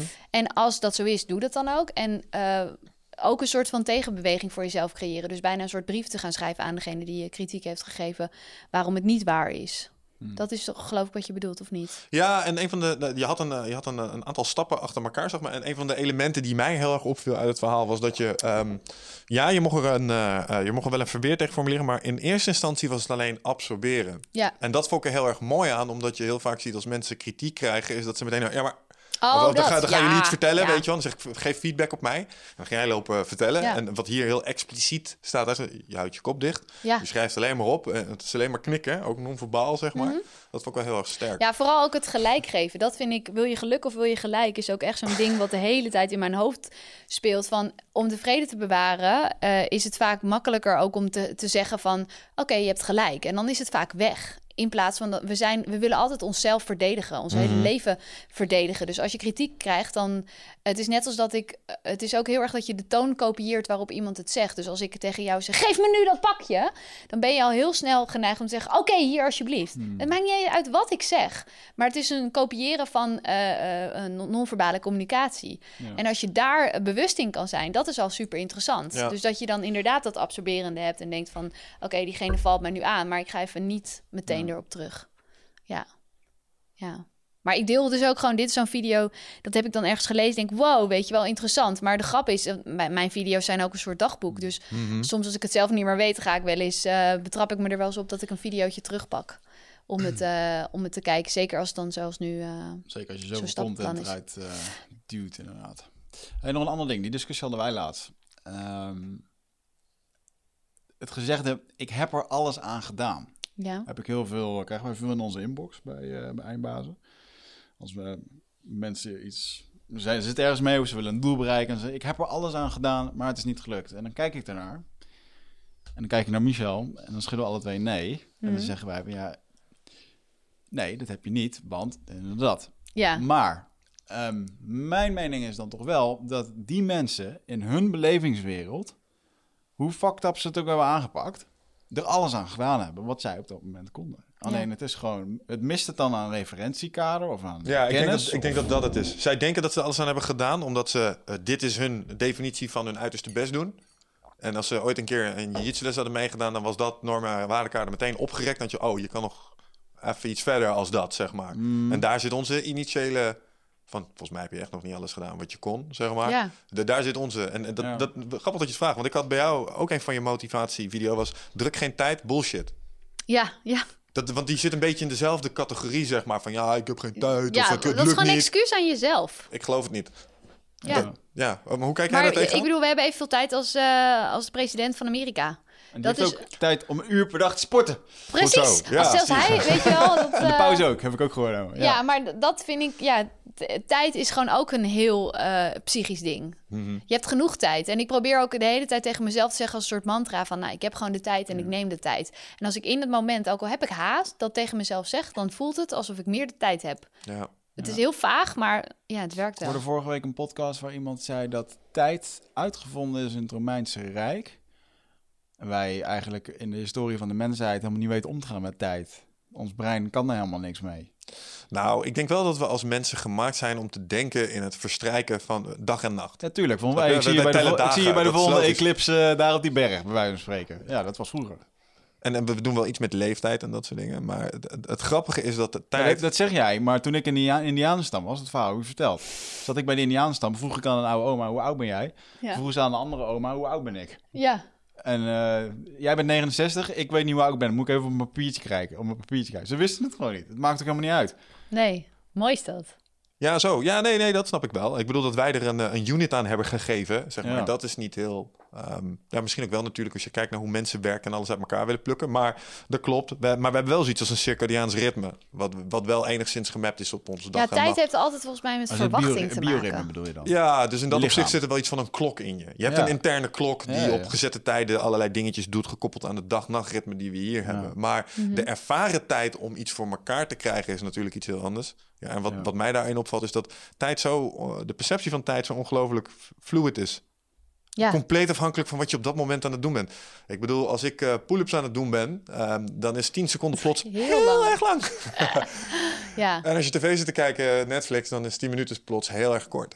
Dus Mhm. dat, dat vind ik zo fascinerend aan tijd. En wat ik bij mensen heel vaak zie, is dat ze ehm, worstelen met hun perceptie van de beschikbare minuten. Ja, het is gewoon echt eh, compleet. Wat, wat is je verwachting en hoe snel denk je ook? Uiteindelijk, als ik kijk naar mijn gevecht met de tijd, is het altijd dat ik denk dat ik dingen sneller kan doen dan dat ik ze daadwerkelijk kan doen. En ik denk dat ik dat dan meer los mag laten. Ja. Of dat mensen denken dat ze te weinig tijd hebben, terwijl dat niet waar is, omdat eigenlijk de, het resultaat niet meer is dan een aaneenschakeling van kleine momentjes. Veel gebruikte voorbeeld hier was Jan Dijkgraaf. Als je die meneer opzoekt, heeft een heleboel boekjes uitgebracht. Dus die mag het daarover hebben. Die zegt ook, ja, je kan in, eh, in principe in tien weken kun je een boek schrijven. Ja. Pas een probleem. Je moet een uurtje eerder opstaan. Dus het lukt wel. Dus dat vond ik heel sterker van wat jij zei. eh, geen druk, eh, geen tijd. Ehm, maar als het gaat over wat jij zei, mensen die er zogenaamd aan alles aan gedaan hebben. ehm, hoe ga je daarmee om? Ehm, nou ja, ik denk dat daarom coaches zo populair zijn. Omdat het is gewoon heel fijn. Je hebt een spiegel nodig. Iemand die tegen jou eh, nog andere mogelijkheden die dat laat zien. Want je hebt inderdaad binnen jouw belevingswereld heb je alles gedaan. Maar er zijn nog zoveel andere stappen waar je gewoon simpelweg niet op hebt kunnen komen. Omdat je er niet genoeg kennis over eh, hebt. Net zoals wat je net zei, hoe meer je leert, hoe meer je erachter komt dat je nog heel veel niet weet. Eh, ik denk dat het heel belangrijk is als je je verder wilt ontwikkelen en je hebt het gevoel dat je aan je plafond zit, dat je dan iemand anders erbij zoekt die met jou mee gaat denken. Iemand die er wel heel veel ervaring mee heeft. Dus niet, vraag het niet aan je vrienden of aan je moeder als die geen ervaringsdeskundige is. Maar iemand die je daar verder eh, toe kan pushen. Ja, mits om- je dat wil natuurlijk. Omring je met mensen die het of al gedaan hebben of soortgelijke ambities hebben. Ja, Of, ja. dus ga die ook weet je, opzoeken. En, en eh, via social media kan je die heel makkelijk benaderen en kan je daarmee in contact komen. Wat zijn jouw helden in dat opzicht? Tegen wie kijk jij op? Eh Eckhart Tolle, denk ik. En Oprah. Oprah, ja. Ja, ook wel. Oprah is wel echt een dijk van een vrouw. eh. Ja. Letterlijk. Ja, Tony Robbins ook heel erg. Ja. Ja, ja. Ooit geven wij ook nog het hele publiek een keer een auto weg. Ja. Dat is wat Oprah deed. ik, weet nog heb het ook ik, één eh, video gedaan. Echt zo'n Oprah-show met denkbeeldig publiek. En dan elke keer, yay! En dan zo'n geluidssalvo. En dan gaf ik allemaal prijzen Ja. weg, ja. Ik weet nog wel dat ik vroeger had ik een oppas, die zat dat dan te kijken. Dat was een oudere dame, ik denk toen in de 50 of zo. En dan zat ik dat mee te kijken. Om vijf uur kwam dat dan op RTL 4. of Oprah zo. Winfrey. Oprah Winfrey. En dan dat ze... Je werd er gewoon enthousiast van, man. Allemaal cadeaus onder die... de- Ja, maar dat is niet wat ze doet. Kom En, op, eh, het gaat niet nee, om cadeaus. Ze niet- doet echt hele interessante dingen. Spreekt hele Ja, toffe maar- mensen. Zij krijgt vage onderwerpen aan de hele wereld. Toen, Dus toen dat vind ik was tof. dat nog niet het geval. Nee. Toen Nee, gewoon een toen was het gewoon vijf uur en, eh, show. was het gewoon een vijf uur Precies, show. maar En wat ze ze nu doet, het- vind ik inspirerend. Maar wat die vrouw nu doet en wat ze Ja. neerzet en eigenlijk alles wat die mevrouw aanraakt verandert in Ja. gaat. Niet helemaal waar. Ik heb daar één opmerking bij. Ze, is wel, eh, ze heeft één onvergeeflijk ding gedaan, namelijk Dr. Phil losgelaten op deze wereld. Ik weet niet of je die talkshow wel eens gekeken hebt, maar Ja. daar ga je haar echt Dat, van overeind dat- staan. dat is echt tenenkrommend Amerikaans. fucking eh, shit. Ik ben hier de perfecte Amerikaanse... Ja. ja. Ja, en dat is haar schuld. Dus Hoezo? zij heeft hem groot gemaakt. Ja, zij Oh, is ja. begonnen in de Oprah Winfrey's vrouw, als ik me niet vergis. Ja, maar anderzijds geeft hij ook wel... eh, soms geeft hij ook wel heel erg goed advies aan mensen die het Soms echt nodig hij- hebben. Ja, maar wel altijd van een heel erg judeo-christelijk eh gedachtenkader. Echt de, de, de, de Prime American Dream. Het is allemaal altijd heel Ja. kuis en eh, Ja. weinig Ja. ruimte voor eh, interpretatie en zo. Dus eh, ja, maar nee, grapje. Ik bedoel, Oprah natuurlijk eh, hartstikke inspirerend. De, maar Eckhart Tolle, eh, Oprah zei En je? Tony Robbins. En Tony Robbins. Ja. Ja. Was geweest? Tony? Ja, zeker. Ja, vorig jaar ben ik eh, in Londen naar hem toe geweest. Ja. ja, vond ik echt heel vet. Ja, Mooi. ja. Hoeveel zitten wij in? eh, hoe zitten wij in tijd? Nu? Wij zitten op de, ehm, in, inclusief het stommelen, bijna op de twee uur. Ehm, Oké, wat... eh, je, degenen die er luisteren, die kunnen nog even naar onze website gaan. Dan krijgen ze twee eh, secret questions die ze nog kunnen zien. Als je even je e-mailadres achterlaat. Ja. En eh, ik denk dat ik jou wat ga vragen over eh, beginnende vloggers. Hm. Dus eh, als je een beginnende vlogger bent en je kijkt naar Sunny, dan is dat zeker even wat je moet doen. Ehm, eh, zijn er dingen die jij nog even wil eh, vertellen die binnenkort gaan gebeuren? Datums, dingen, evenementen? Mm. Wanneer is je online training af? naartoe? Ja, dat is ook zo interessant. Wanneer is die af? Nou, ik wilde hem eigenlijk 1 april, maar dat is aanstaande zaterdag. En eh, dat was een heel groot ding in mijn hoofd. Van, oh, het gaat niet lukken. En oh, tijd. En oh, oh. En nu heb ik dat losgelaten en gewoon ge- tegen mezelf... Ik had het al aangekondigd, dus mensen er staan al... Ik heb al 500 mensen die op een lijst staan die eh, mee willen doen. Ehm, maar ja, ik heb gewoon maar tegen mezelf gezegd... eh, Het heeft meer tijd nodig. En dat is dus de verwachting eh, bij, eh, bijstellen. Ja, dus ik weet het nog niet. Hou dan maar mijn, mijn platform in de gaten. Ik heb Ja. niet zoveel om te pluggen hoor. Ik ben niet zo'n plugger. Ja, ik ga wel binnenkort op de bewustzijnsschool een hele leuke workshop geven. Op Ben niet zo'n plugger. 22... ik heb inside information. dus Ja, daarom. Ik zie zijn wenkbrauwen zo omhoog gaan. Ja, doe, doe melden. Gewoon. Kom, Pluggen ja. Ja, het ding is, ik ga ook in de biep spreken volgende week. Of nee, ook in april, maar dat is al uitverkocht. Eh, nog voordat mijn vlog Ja. online was, was het al uitverkocht. Dus Wat leuk. van, Daarom. van het Hek had daar een heel mooie uitspraak en kun je een tweet over. Gewoon eh, eh, dat hij het mooi vond dat dat meisje dat tweede was geworden op de Olympische Spelen. Dat hij gewoon zuur keek. Hij zegt, als ik naar Carré ga, Oh, dan moet het gewoon fucking vol zitten. Ja. En ik kom er niet om gewoon alleen maar leuk te spreken. Het moet gewoon vol zitten, toch? ja. En eh, ja, dat mag ook. ja, met mijn online programma moet ik zeggen, ben ik wel heel ambitieus hoor. Dan wil ik wel eh, een aantal mensen die mee gaan doen. Goed ja. zo. Ja, Ja. ook. Ja. Ja, ik vond het inspirerend dat je hier was. Je bent een slimme meid, je hebt het goed voor elkaar. En ik denk, eh, ik, je geeft een goede, ik heb dan een goed beeld gekregen hoe jij als vlogger te werk gaat. Ik heb er wel respect voor. En ik heb er ook weer een paar ideetjes uit opgepikt. Jij niet? Ja, absoluut. Ja, zeker. Andere mensen worden aan het werk gezet. Dankjewel luisteraars. Sunny, eh, wij zien elkaar wel weer volgende. Zeker, dank jullie wel. was heel leuk. Tot de volgende keer. Ciao.